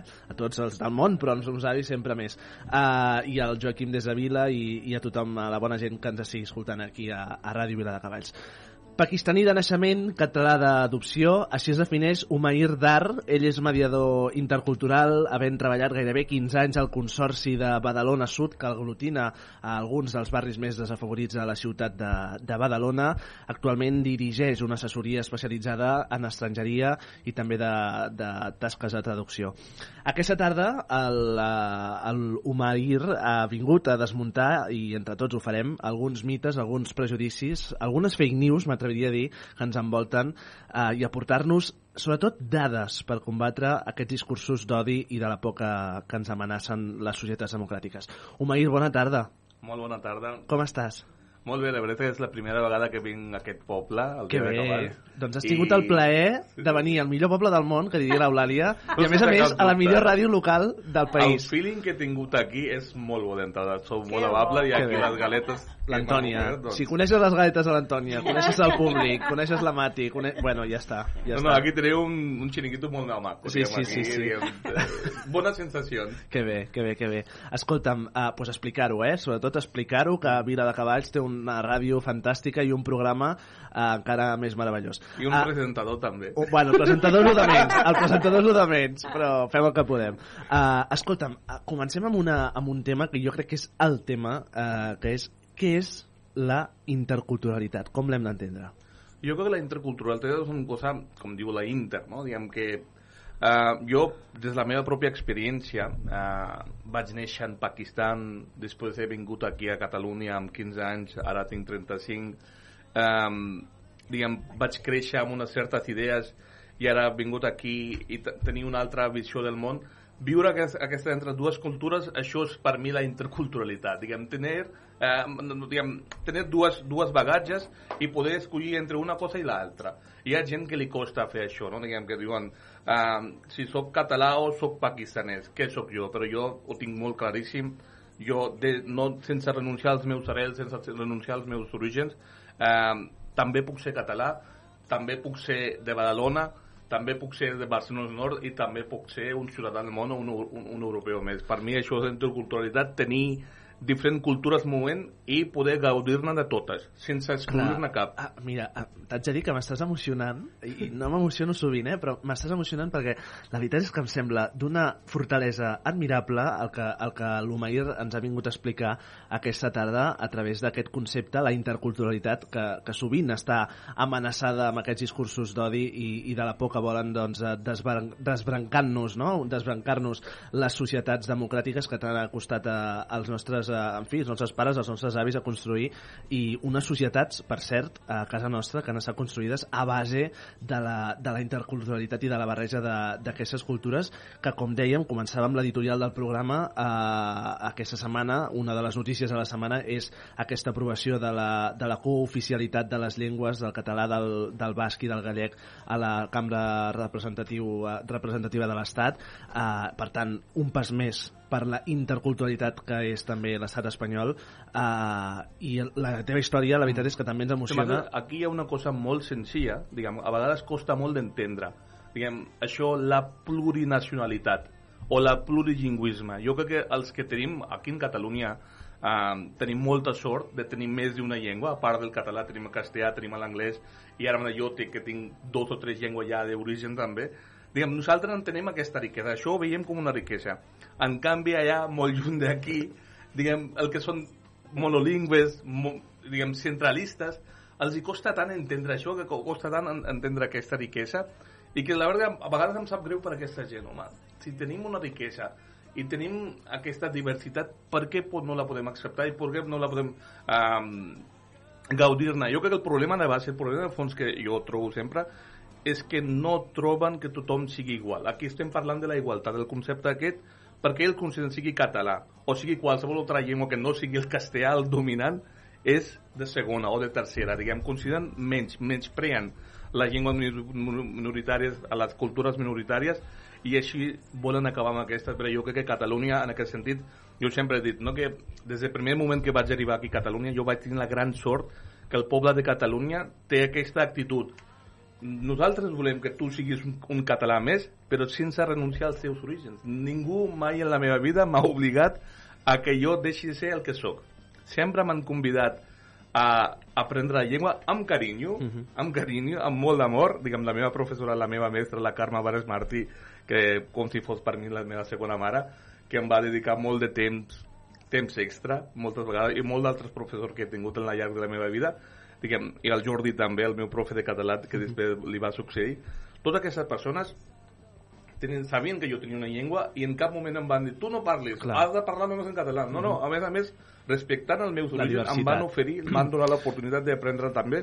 Jo crec que això és la fortalesa de Catalunya. És el diguem. punt d'unió. Catalunya té això, la nacional... Jo sempre dic, no, que la nació, que de tots aquests discursos d'extrema dreta o la gent extra, extremadament xenòfoba que pensa que Catalunya està en perill, que Catalunya Clar. desapareixerà, jo li sempre dic Catalunya és una nació que ha existit ha existit, existeix i existirà gràcies a aquest caràcter, diguem, aquesta Clar. supervivència, això d'aguantar, vingui que vingui, diguem, acceptar-lo i donar-lo aquesta oportunitat de que sigui un mes. I això no tots els pobles ho tenen. Jo crec que això és una, una cosa molt maca que té aquest poble i la veritat que jo gaudeixo i, i també moltes vegades convido altres persones migrades que han vingut aquí És que també gaudeixin, I tant. i gaudeixin i aprenguin. I tant, i tant. A 7 i 10 de la tarda, perdona'm un segon que faig un incís. Uh, escoltem un segon.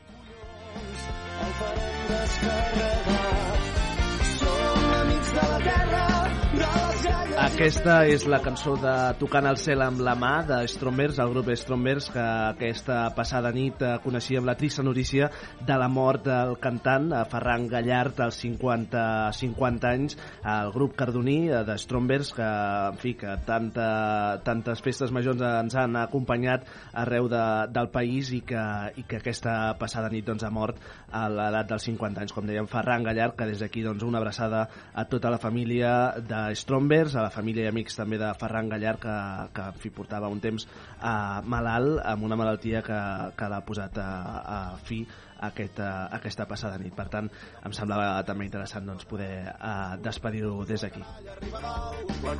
S'ajunt tres passes a l'enxaneta se'n cavalca. Tenim arena! I ara ve el millor on es nota la sang. Vinga, 7 i 11, uh, moments tristos, eh? La veritat és que costa una mica uh, a seguir el, el programa d'avui. Uh, tristos i alhora emocionants també amb l'Umair aquí uh, amb nosaltres. Uh, parlàvem d'aquesta interculturalitat, de com hem, de com de com l'hem d'entendre. Uh, I i la- l'altra pregunta també, uh, més enllà de la definició del concepte d'interculturalitat, també m'interessa saber, uh, sota el teu punt de vista, per què alguns uh, s'ho poden uh, arribar a prendre com una amenaça, això de la interculturalitat. Per què creus que s'ho poden prendre com una amenaça? Jo crec que és la, és la personalitat de cadascú, no? que hi ha gent que sempre té por, jo crec que és normal que tinguem por de les coses, i a part el meu profe d'història sempre ens deia no? que tots som una mica racistes, jo també ho sóc, tenim por al diferent, la persona que no coneixem, i aquesta por a vegades ens protegeix també de moltes desgràcies. Però aquesta por, si no la uh, gestionen bé, arriba a ser perillós tant per nosaltres com per la societat, no? I en aquest sentit hi ha molta gent que té aquesta por i després es deixen influenciar per les narratives a través d'aquestes xarxes socials que on hi ha, on molt bé apuntaves tu, que hi ha molt fake news, hi ha moltes històries faltes, falses. Per exemple, jo, que vinc de Badalona, diguem, abans teníem un alcalde que, diguem, teníem un, un alcalde que estava a la posició i cada vegada que passava una desgràcia a la ciutat ho diguem, magnificava, diguem, això era un desastre, això era l'infern.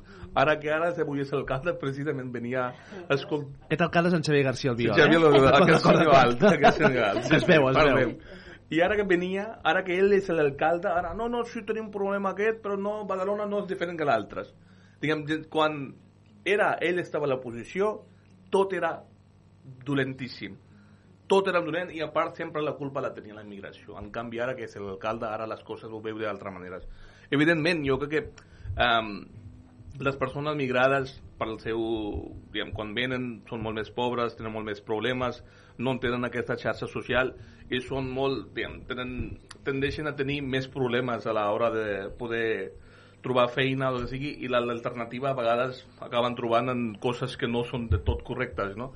Però també això és cert que diguem, com a persones humanes això no és una cosa que sigui pròpia de les persones no? I, i aquí la culpa és explotar aquesta por diferent jo a vegades també la meva filla que és petita quan veu persones de, uh, de pell fosca, no, jo tot soc moreno però quan hi ha gent encara més morena no? diguem, i té por i jo li dic, filla no diguem, No tinguis por. no tinguis por, són persones igual que nosaltres diguem, hi ha persones molt més blanques estem al, entre mitjos el, els, el, els morenos i després la gent de pell fosca no? i això no has de tenir por d'entrada i una cosa que una frase que em va m'agradava molt i precisament la xerrada que vam assistir i era la Mercè Rius deia que el seu pare un, un badaloní de tota la vida li Sí. deia "Eh, una de les grans qualitats que un pot tenir és no jutjar les persones pels seus orígens Això és molt important. això jo crec que és una gran qualitat, és, essencial. una saviesa per mi. És essencial. Sí, sí, diguem, d'entrada no podem jutjar a ningú. Que sigui, és Fins que no ens demostrin el contrari. Que- Exactament. I això, diguem, jo crec que el que estan fent ara, a través d'aquests discursos, a vegades amb alguna una mica de raó també, perquè la raó també és perquè ja estan passant moltes coses també, però per altra banda, diguem, en molt la majoria dels casos, diguem, el, utilitzen aquesta por inherent Sí. a nosaltres, a la persona al diferent, i després barrejant-lo amb discursos aquests incendiaris, i aquesta por, diguem, acaba generant això a l'odi cap a l'altre i que com, com, acaba convertint en un perill. El, el, em sembla interessant per contextualitzar una mica a on som i per què, uh, Umair, uh, per fer un parèntesi, uh, com és que ets aquí avui? No, diguem, afortunadament diguem, ens vam conèixer a, una, a un debat sobre democràcia. Fa 48 hores. 48 hores, sí, sí, sí, sí, sí.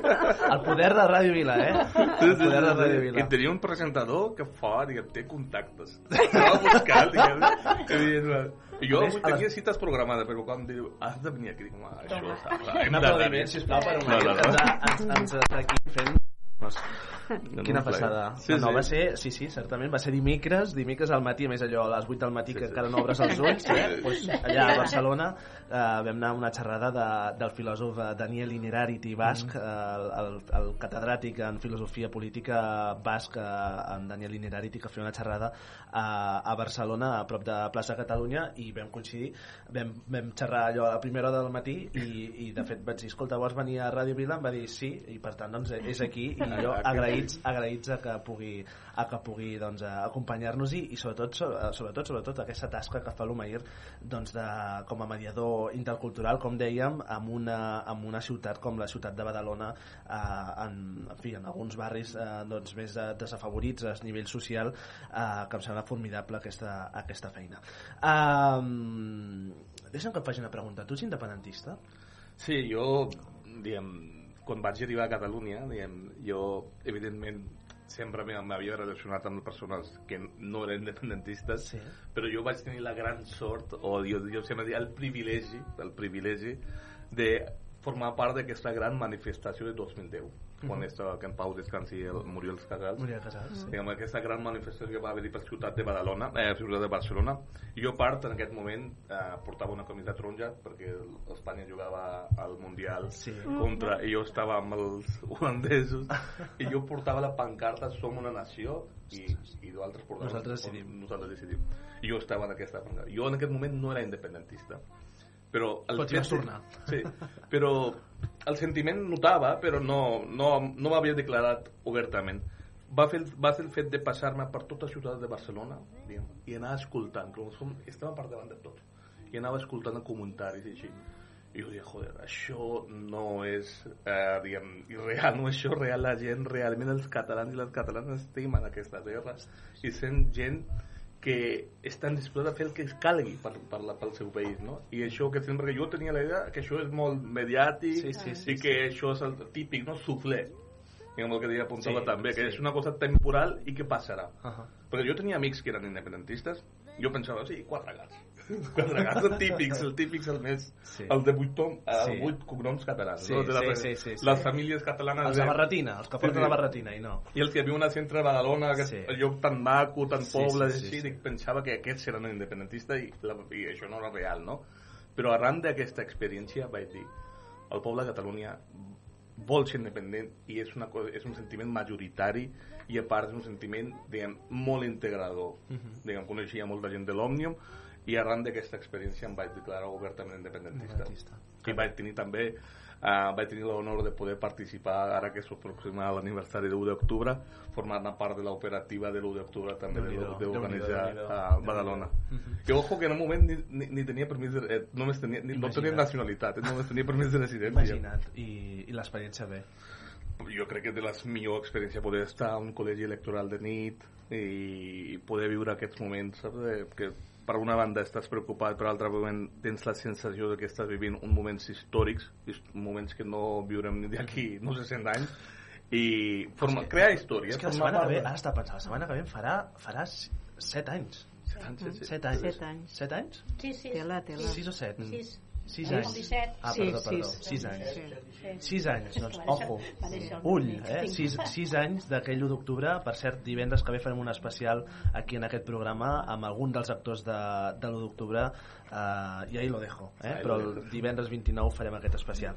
Uh, escolta, la realitat també ens deixa una part molt fosca i molt dura, que és aquest avenç de l'extrema dreta a nivell, uh, per bé o per mal, a nivell internacional, uh, que en aquest cas ens suposa una, una amenaça per a aquestes societats democràtiques que, que hem forjat, uh, i en el cas de casa nostra, també, malauradament, uh, discursos com no només d'aquells qui, qui ens ho podem més o menys esperar, sinó també de- d'una part de l'independentisme, en aquest clar, cas, clar, clar. com la bellesa de Ripoll, Sílvia, Sílvia Oriols i també presidenta d'Aliança Catalana eh, que assenyalen, eh, aquest espai assenyala la immigració justament Mm. com el problema de tots els mals de les societats occidentals Mm. eh, això pot amenaçar aquesta convivència? En el cas de Catalunya aquests discursos poden amenaçar justament a la No, convivència? realment, per exemple, de l'experiència, abans tenim en plataforma per Catalunya que era gent fatxa, fatxa, fatxa, diguem, eh, gent, a part, espanyolista, de, aquest de, nazi de Primo de Rivera, tota aquesta penya, i pensàvem que eren quatre friquis, no? que diguem, són gent sense, uh, que viuen en l'edat mitjana encara. En canvi, amb el fenomen aquest del, de la Sílvia Oriols, també noto que té un discurs molt sòlid, que està molt ben diguem, construït i a part també ha trobat suport també en alguns mitjans de comunicació també i, i jo crec que el problema és que aprofitant de, les, de, de la feblesa dels problemes, alguns problemes reals ella ha construït un monstre que ens acabarà menjant jo la veritat que realment estic preocupant perquè d'uns punts fets puntuals ex, diguem, extrapolar aquestes uh, diguem, si una persona, par, parlant clar no? si una persona d'origen magrebí comet un delicte d'entrada tota la comunitat musulmana, incloent i els meus simpatis també, ja som responsables d'aquests crims. no? Què tinc, què tinc a veure jo per culpa d'un individu? Jo no sóc responsable si hi ha, un- hi ha un criminal o un delinqüent que ha fet mal o, o ha robat o ha, diguem, ha fet mal a una persona. Jo crec que aquest és el perill que per culpa d'uns acabem pagant tots. I després són fets puntuals, diguem que no es poden extrapolar. Barcelona i Catalunya també va viure malauradament el tema del, de, un, De un, l'atemptat. de l'atemptat és una realitat diguem, hi ha 20 persones que estan vivint en aquest poble però va ser un fet excepcional diguem que no és una cosa que formi part de la, de la normalitat no? jo crec que aprofit, diguem, aprofitant d'aquestes uh, microexperiències i crear un, diguem, un àmbit de incendiari per tota Catalunya jo crec que acabarem pagant un preu caríssim perquè català, jo sempre dic, no, Catalunya, una de les fortaleses que té Catalunya com a nació, com a poble, és que Catalunya ha sapigut integrar a tothom que ha vingut a aquesta terra, que no ha tancat mai les seves portes. Clar, Que- la, la, la definició de, de català, ara te la volia demanar també, que és per tu ser, Mm. ser català, que és per tu ser, ser catalana, uh, uh, no ho faig mai, eh? però el president Pujol uh, deia uh, català és aquell qui viu i treballa a Catalunya, després va afegir que també aquell qui se senti català. Uh, per tu què és ser català? Jo sóc molt fan de president, de gran eh, president Pujol i de Puigdemont també, no? però de gran president Pujol. Jo comparteixo bastant la seva, la seva definició, no? de, de, que viu i treballa i a més vol ser. I aquesta jo crec que està molt ben definit. Diguem, qualsevol persona que tingui voluntat i ganes diguem, ha de poder-se sentir. Jo que una cosa, en llibres de text, a teoria, això es diuen quasi totes les estats i totes les cultures. Però veiem a França, allà volen ser francesos, no ho deixen. En canvi, en Catalunya, diguem, el que deia president Puigdemont, eh, eh, el president eh, Pujol, aquí Catalunya fortalesa és que realment la gent t'estima, la gent dona l'oportunitat, la gent no t'exclueix, no, et sents excluït. A mi, per la meva experiència, jo quan he dit que sóc català, ningú m'ha dit, oh, d'on vas tu, no? De, quines bogeries estàs dient? Realment la gent m'ha estimat, m'ha dit, sí, sí, tu ets el nostre. Ningú m'ha rebutjat. I aquesta és la fortalesa, i aquesta és la fortalesa que està en perill amb aquests discursos, perquè jo tinc por el dia que algú vulgui ser català o cat- catalana i la gent digui, no, tu ets un musulmà, ets un immigrant, ets subsaharià, ets un pakistanès o ets un xinès, però el català no ets, perquè no ets de pell blanca, no ets diguem, d'una determinada religió Clar. o no tens el costum que no, no tenim. Aquests discursos que encara que hi són, que hi, Hi són, són, i, i que en aquest cas eh, és un fet eh, local perquè passa a la, a la, a la vila de Ripoll però, però, també però, eh, per, jo crec que cada vegada estan penetrant molt estan penetrant molt i de manera molt perillosa discursos massa perillosos clar, clar la, dèiem, eh, um, és un fet local perquè Silvio Riols és la batllessa Mm. de la vila de Ripoll i per tant és representatiu del poble de, de Ripoll però, uh, però diguem-ne que no és tan local el discurs, Mm. el discurs és un discurs que, que malauradament torna a pujar ja va pujar el 2010, després va desaparèixer ara sembla que torna a, re- a, re- a reanimar-se també la, amb aquestes passades eleccions municipals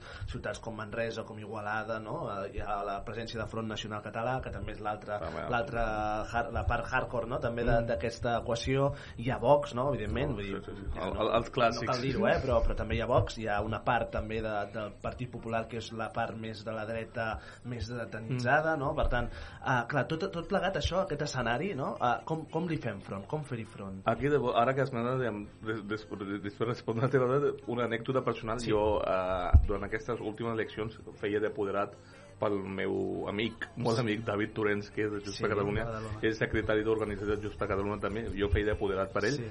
i finalment, diguem, la- la- l'apoderada de, Junts- de, de Vox se'm va aproximar, em va dir, mira, el único, el único partido que tiene un negro en la lista como candidato somos nosotros. ¿Te quieres venir con nosotros? em va fer l'oferta. Ah, sí? Sí, sí, sí. Sí, sí, directament. Pam, Diguem, pam. em, van, em van voler fitxar directament. Passo, passo, passo de vostres discursos i la veritat que m'he oblidat del teu, de la, La, pregunta. no, la pregunta era com fer-hi front no? Uh, Jo crec que el front és, um, és molt fàcil i al mateix moment és molt complicat. I repetint la frase del pare de Mercedius, no jutjar les persones pel seu origen.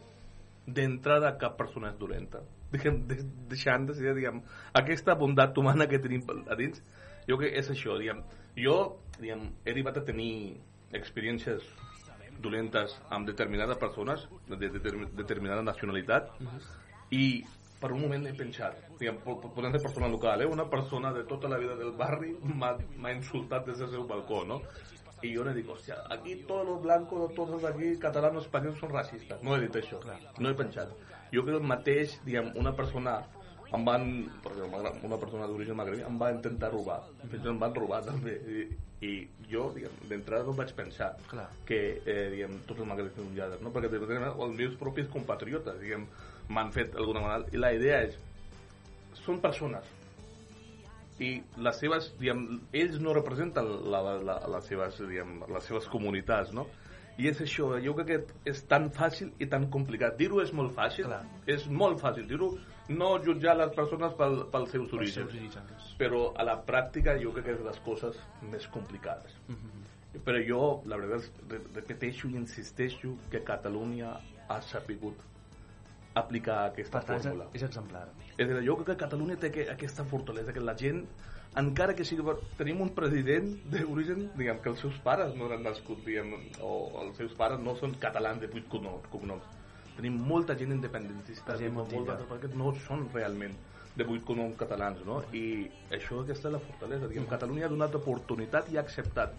I jo crec que per salvar-nos d'aquestes aquesta, el que viene el lobo, jo crec que la millor forma és aquesta, no jutjar les persones segona o segona. I jo estic dient a tothom, i també intento aplicar-me a mi mateix aquesta fórmula, diguem de no jutjar, és, eh, jo ara que sóc empresari, sí. tenim prejudicis també. Diguem, aquest que m'ha entrat, segur, per la seva nacionalitat, aquest no em pagarà, o em pagarà malament. o, i, intento, i la idea és discriminar-lo directament perquè me'n vagi Tots hi hem caigut en això, sí, sí. O dir, com que sé que diguem, pagarà malament, que me'n vagi, no li vull com a client. Mhm. Però dius, no, no, no, no, jo no puc fer això. Diguem, jo pot ser que sigui la millor persona del món i jo estic caient aquí, que és la mateixa tant, trampa dels meus propis prejudicis. i tant, i tant. Que forma part d'uns prejudicis socials i col·lectius. I després donar l'oportunitat i veure realment com és. I després, afortunadament, he tingut la sort i hem, tinc molt, molt, molts col·legues d'entrada que podia haver, podia haver anat a denegat o en l'entrada Sí, o sí, sí, rebutjat i ara són col·legues. Umair Dar, moltíssimes gràcies per ser-hi. Uh, Antònia i Mati, tenim dos minuts i, i, i ho haurem de deixar aquí, però no sé si teniu alguna pregunta. No, digue, no, no, no has parlat de la teva... Has dit que eres mediador intercultural. Mediador intercultural. No has parlat, no has parlat gaire de la teva feina. Pots explicar? Sí. Ara és el moment aquell de he venido a hablar de mi libro. No, bàsicament, uh, jo durant aquests uh, 15 anys, uh, el que feia molt, jo estava molt especialitzat en tema d'educació. Mm. La meva feina i tasca era anar a En- en- instituts en- eh, i motivar els nois i, noi- nois i noies perquè estudien, Mm. perquè tenim un fracàs escolar molt elevat. I senzillament, Absentisme, també. fins, fins i tot la meva presència de dir, ostres, sí, i aquest noi que també és com nosaltres, parla català, ha estudiat aquí i ara està treballant juntament, Mm. doncs podem com a persones créixer i arribar així una mica més, no? Era d- donar referent també. Diguem, de a part de uh, ajudar els seus pares a explicar com funciona el sistema educatiu, quan acaben la primària, com, com és la secundària, després secundària, com és, o anar cap a cicle formatiu de batxillerat o anar a la universitat, a part d'explicar totes aquestes tècniques, de traduir-ho o adaptar-ho, també fèiem aquest de referent positiu i també de tant en tant quan apareixien conflictes entre comunitats és això, és intentar senzillament són, per exemple, et posaré un típic exemple que és molt curiós, el tema de gossos. Per exemple, el, jo sóc d'origen pakistanès. Allà als gossos la gent té molta por als gossos. Moltíssima por. Diguem, allà el gos és com si fos un lleó o un, un, un cert. Perquè els gossos la gent no està acostumada a tenir gossos a casa. Els gossos viuen al carrer i el que poden fer mal, diguem, és directament aquesta senyal. Ah, un gos és un animal que fa mal. Per tant, uh, i després també hi ha una part religiosa mal interpretada, que la gent pensa que els gossos, gossos són un animal bruts. Hi ha aquesta, també aquesta percepció. I la gent intenta evitar molt, no? I va, diguem, una, una vegada que diguem, va, un, dos veïns van tenir que ir rifirafe perquè un, dels, un tenia un gos i cada vegada que s'aproximava li tocava, aquest es molestava molt, no? I diguem, ens va arribar a nosaltres i jo li, la feina va ser explicar, mira, té por perquè de petit no hi ha cap persona que no li hagi mossegat un por i Clar. aquest por de la infància Ah. que ell, encara que ara té 35 o 40 anys, continua tenint aquesta, aquesta por i cada vegada que se li aproxima un gos té por. Aquí quina és la de, i d'explicar-li a l'altre que aquí gossos estan vacunats, que no són bruts i que són molt macos, és, és millor amic del, de l'home. I quan expliques fas aquestes tradu fas de pont entre les, les dues cultures la gent acaba entenent i acaba comprenent i fins i tot després veia que el mateix gos a la persona li feia carícies Clar, suposo que és bon exemple, no? Perquè, clar, Mm. si no teniu gossos a casa vol dir que els gossos estan al carrer, vol dir Mm. que els gossos passen gana, vol dir que els gossos se'ls hi tira pedres, vol dir que si un gos se li tira pedres, evidentment mossegarà. Mossega. Vull dir que super... Sí, sí, són dues Sí. cultures molt diferents. Mhm. Això, Ah, no. diguem, ho ho he vist en moltes cultures, aquesta por. Mhm. És una manera, una manera de mediar Mm. i de- i d'acostar posicions. Mm. Però jo dic com tu, Mm. la por a lo desconegut, el no saber la cultura de l'altre, és el que, ens, el que ens fa que no tinguem aquesta aproximació.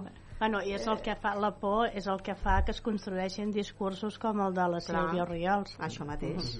Com que no esclar, parlem, no mm. expliquem, no Ah, aquí està. intercanviem, no tenim espais comuns, eh, acaben aquests discursos. Però i a més a més que quan vens d'un altre Mm. país, normalment vens sense molt pocs recursos. Exacte. Eh? Llavors, és clar, tu sempre estàs a la part de baix. Pujar costa molt. Moltíssim. I la gent que està una mica més amunt té por de que tu, eh, que em treuen la feina, que no sé què, eh, que em robaran, que... I aquesta és la por. I això que fas de mediador és molt important, molt important per acostar cultures, Cultura, sí, sí. eh, per conèixer les cultures, que és molt important. Sí, sí, jo crec que eh, és de les figures que la veritat jo durant el temps que vaig estar-hi em sentia molt útil perquè eren jo diria com tonteries, bogeries, petites bogeries que tu les anaves explicant i podies resoldre molts problemes. Sí, sí. I que, però aquest, No. aquest falta en aquest punt, no? aquests referents naturals. Sí, Nosaltres tenim una, estic en una fundació que fem menjar per, Ah. per diferent tipus de gent. Mm. Doncs, bueno, doncs les pakistanís Mm. De Pakist... venen un dia i fan el menjar típic seu. Nosaltres venen els magrebins i fan el típic menjar d'ells. Mm. I jo faig el típic menjar d'aquí. I llavors es reparteix i Mm. tothom ha de provar, ha de... és una manera també de- de- d'acostar Sí. que no allò és dolent ni allò tampoc. Eh? Hem de conèixer tot tipus de, de coses. Vull dir que és una feina molt important la que fas. Però molt interessant. I has també, vist sí. problemes en els instituts? O sigui, problemes que podien dir això són problemes racials, no? O sigui, no que després s'etiquetin com a racials, sinó que realment l'origen de, del conflicte fos un problema de racial. Jo crec que aquí, evidentment, cada persona mm, és un altre món, no? però real- jo, per la meva experiència, els, normalment els professors i, i el personal docent són persones que estan molt ben preparats i així, eh, i a part els profes o, la, o els personal docent que treballen coses amb, amb d'alta complexitat són persones que estan preparades. Mm. Realment per part dels professors, això sí que he vist aquest, eh, diria com a aquest actitud una mica paternalista de dir eh, jo per exemple quan vaig acabar l'ESO em van dir aquest noi no pot fer batxillerat li hem d'enviar un cicle formatiu Mm. diguem, perquè pel seu origen és segur que per la dificultat lingüística que té no servirà i, i així molta gent ha estat condemnada a fer graus subs, mm. Mm. diguem, el, el cicle formatiu i que aquesta persona valia moltíssim Perquè ja s'entén que... Diguem, aquesta Que no ho farà, clar. i a mi fins i tot diguem, són aquestes coses dius, ostres, menys paternalisme i donar l'oportunitat a la Mhm. persona perquè es pugui créixer personalment no? diguem que això sí, diguem, sistemàticament això és una cosa que ho veig a molt altre lloc jo crec que ho fan amb bona voluntat però realment acaben No, no, i, i, la, i la el- falta, i la no fan falta de recursos també falta eh? de recursos això per exemple uh, també uh, això de falta de recursos diguem, per exemple quan jo vaig venir a Catalunya diguem, teníem una aula especial una aula d'acollida Sí, bueno, ara també On- hi ha aules d'acollida. Aula. però en aquell moment deia TAI i teníem Ah, eh, anàvem a aquesta Una classe referència, sí. eh? Anàvem a aquesta classe i estem tot el dia amb tema de català. Pam, pam, ens matxacaven amb el català. En canvi amb la, durant l'època de la crisi amb aquestes retallades heavy en Mhm. sanitat i educació i un dels instituts on jo treballava bastant que era Eugeni d'Ors uh, allà una de les grans referents que per mi era molt bona professora d'aula d'acollida la van treure diguem, quan tenim més pressió migratòria Mhm. i quan els nanos necessiten aprendre català traiem la pro- professional que està més qualificada i més preparada i quins són els resultats? no escoltes a ningú parlant en català Doncs, eh, aquestes retallades brutals i la gent s'ha quedat sense Escolta, jo crec que t'hem de tornar a convidar Oh, un altre dia i que puguem tenir un debat extens sobre, sobre el tema perquè la veritat és que dona molt de joc, molt de sí, sí, sí. i em sembla fantàstic també poder anar desmuntant aquests mites, aquestes, uh, aquestes històries que tenim com a societat, no? uh, que ens, ens plantegen alguns reptes i per tant doncs, serà molt interessant que l'Umair ens torni a acompanyar. Gràcies per ser-hi avui divendres, uh, gràcies, gràcies per també combinar-ho amb la feina, per ser-hi i en fi, molta sort, molts èxits i, i molt bon cap de setmana també. Uh, Antònia, Mati, ens veiem la setmana que ve. Amb tu no, Antònia? amb mi estareu uns Sort, dies que no m'hi veureu ànims, però bueno a tope, uh, i el nostre Sí. públic, tot bé? Doncs va, bon cap de setmana també per vosaltres, gràcies. Gràcies també a Sergi Cervera que ens ha acompanyat aquesta primera part del programa i l'Umair aquesta segona, aquesta segona part. A, a tots els de casa, com sempre, una abraçada molt forta. Ens retrobem aquí el proper divendres, divendres 29, 29 de setembre, ja, mare meva.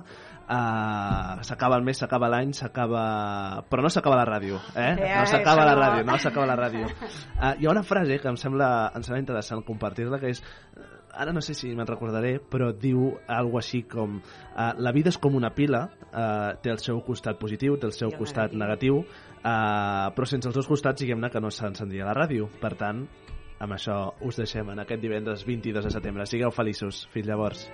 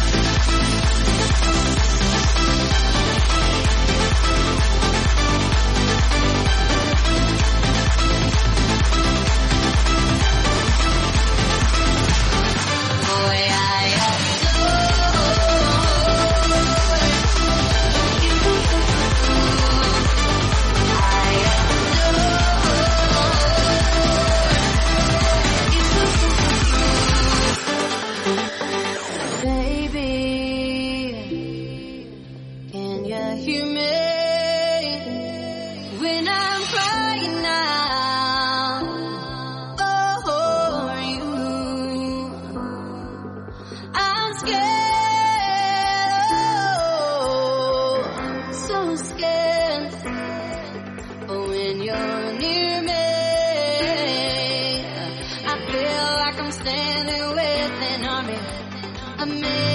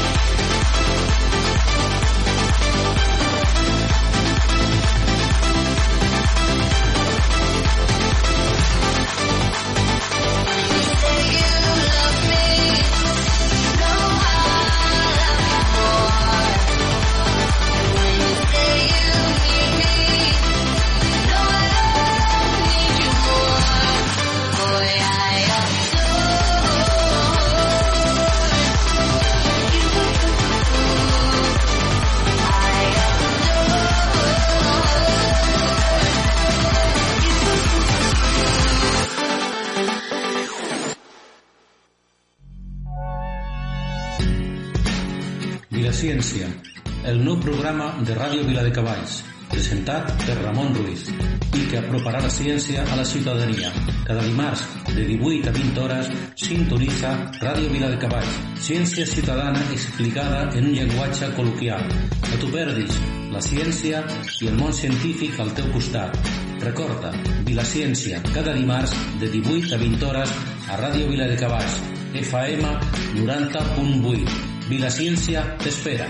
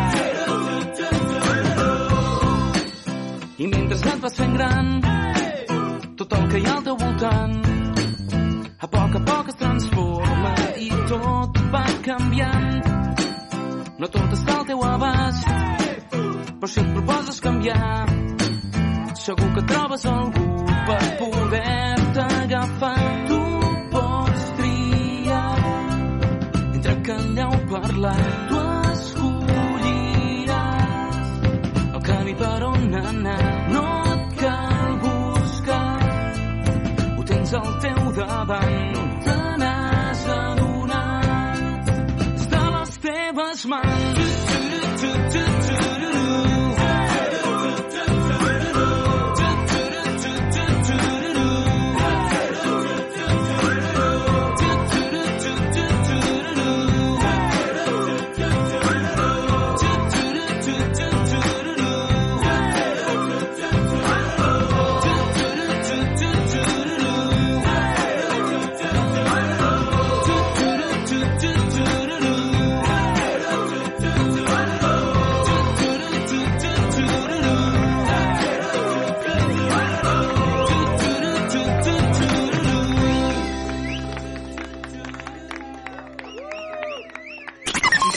Vila. Ràdio Vila. L'emissora municipal de Vila de Cavalls. L'emissora municipal de Vila de Cavalls. Ràdio Vila. Ràdio Vila. Aquí trobes el que busques.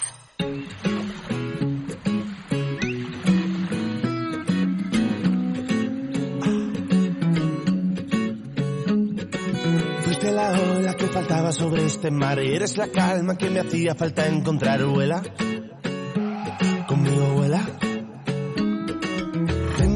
Isla y esta sombra para cobijar, rayos centellas y este flow para regalar, vuela.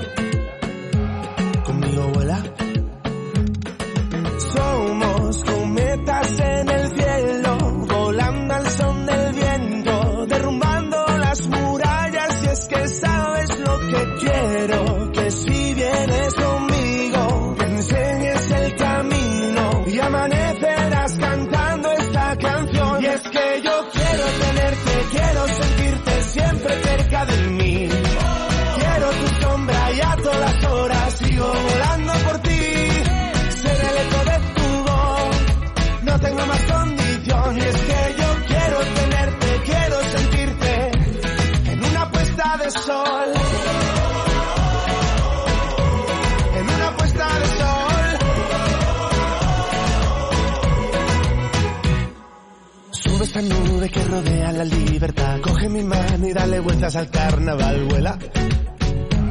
Conmigo vuela. Sigue este ritmo como si no fuera a acabar. Vente a mi hotel y si te asomas verás el mar, vuela. Conmigo vuela. Quiero que si vienes conmigo me enseñes el camino y amanecerás cantando esta canción. De mí. Quiero tu sombra y a todas horas sigo volando por ti. Ser el eco de tu voz, no tengo más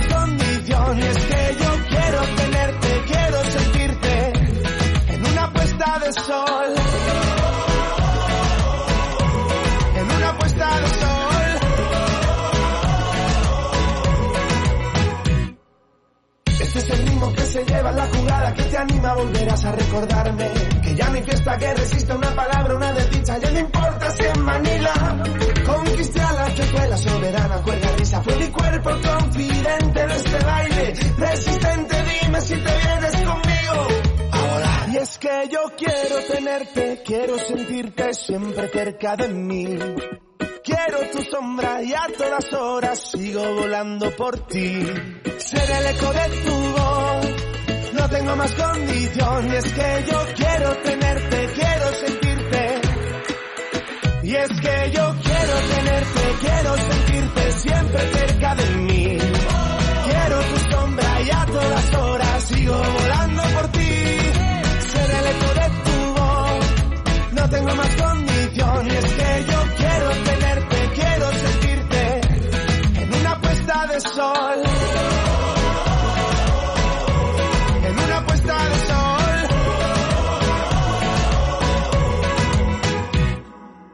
Eres el la que faltaba sobre este mar y eres la calma que me hacía falta encontrar, vuela. Conmigo, vuela. Radio Vila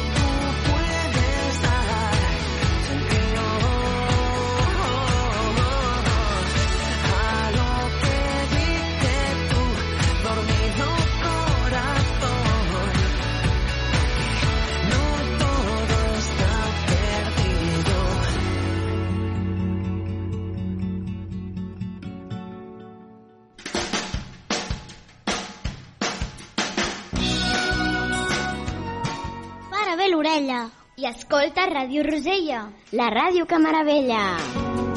Oh my god! Cada diumenge a les 10. Ràdio Vila, l'emissora municipal de Vila de Cavalls.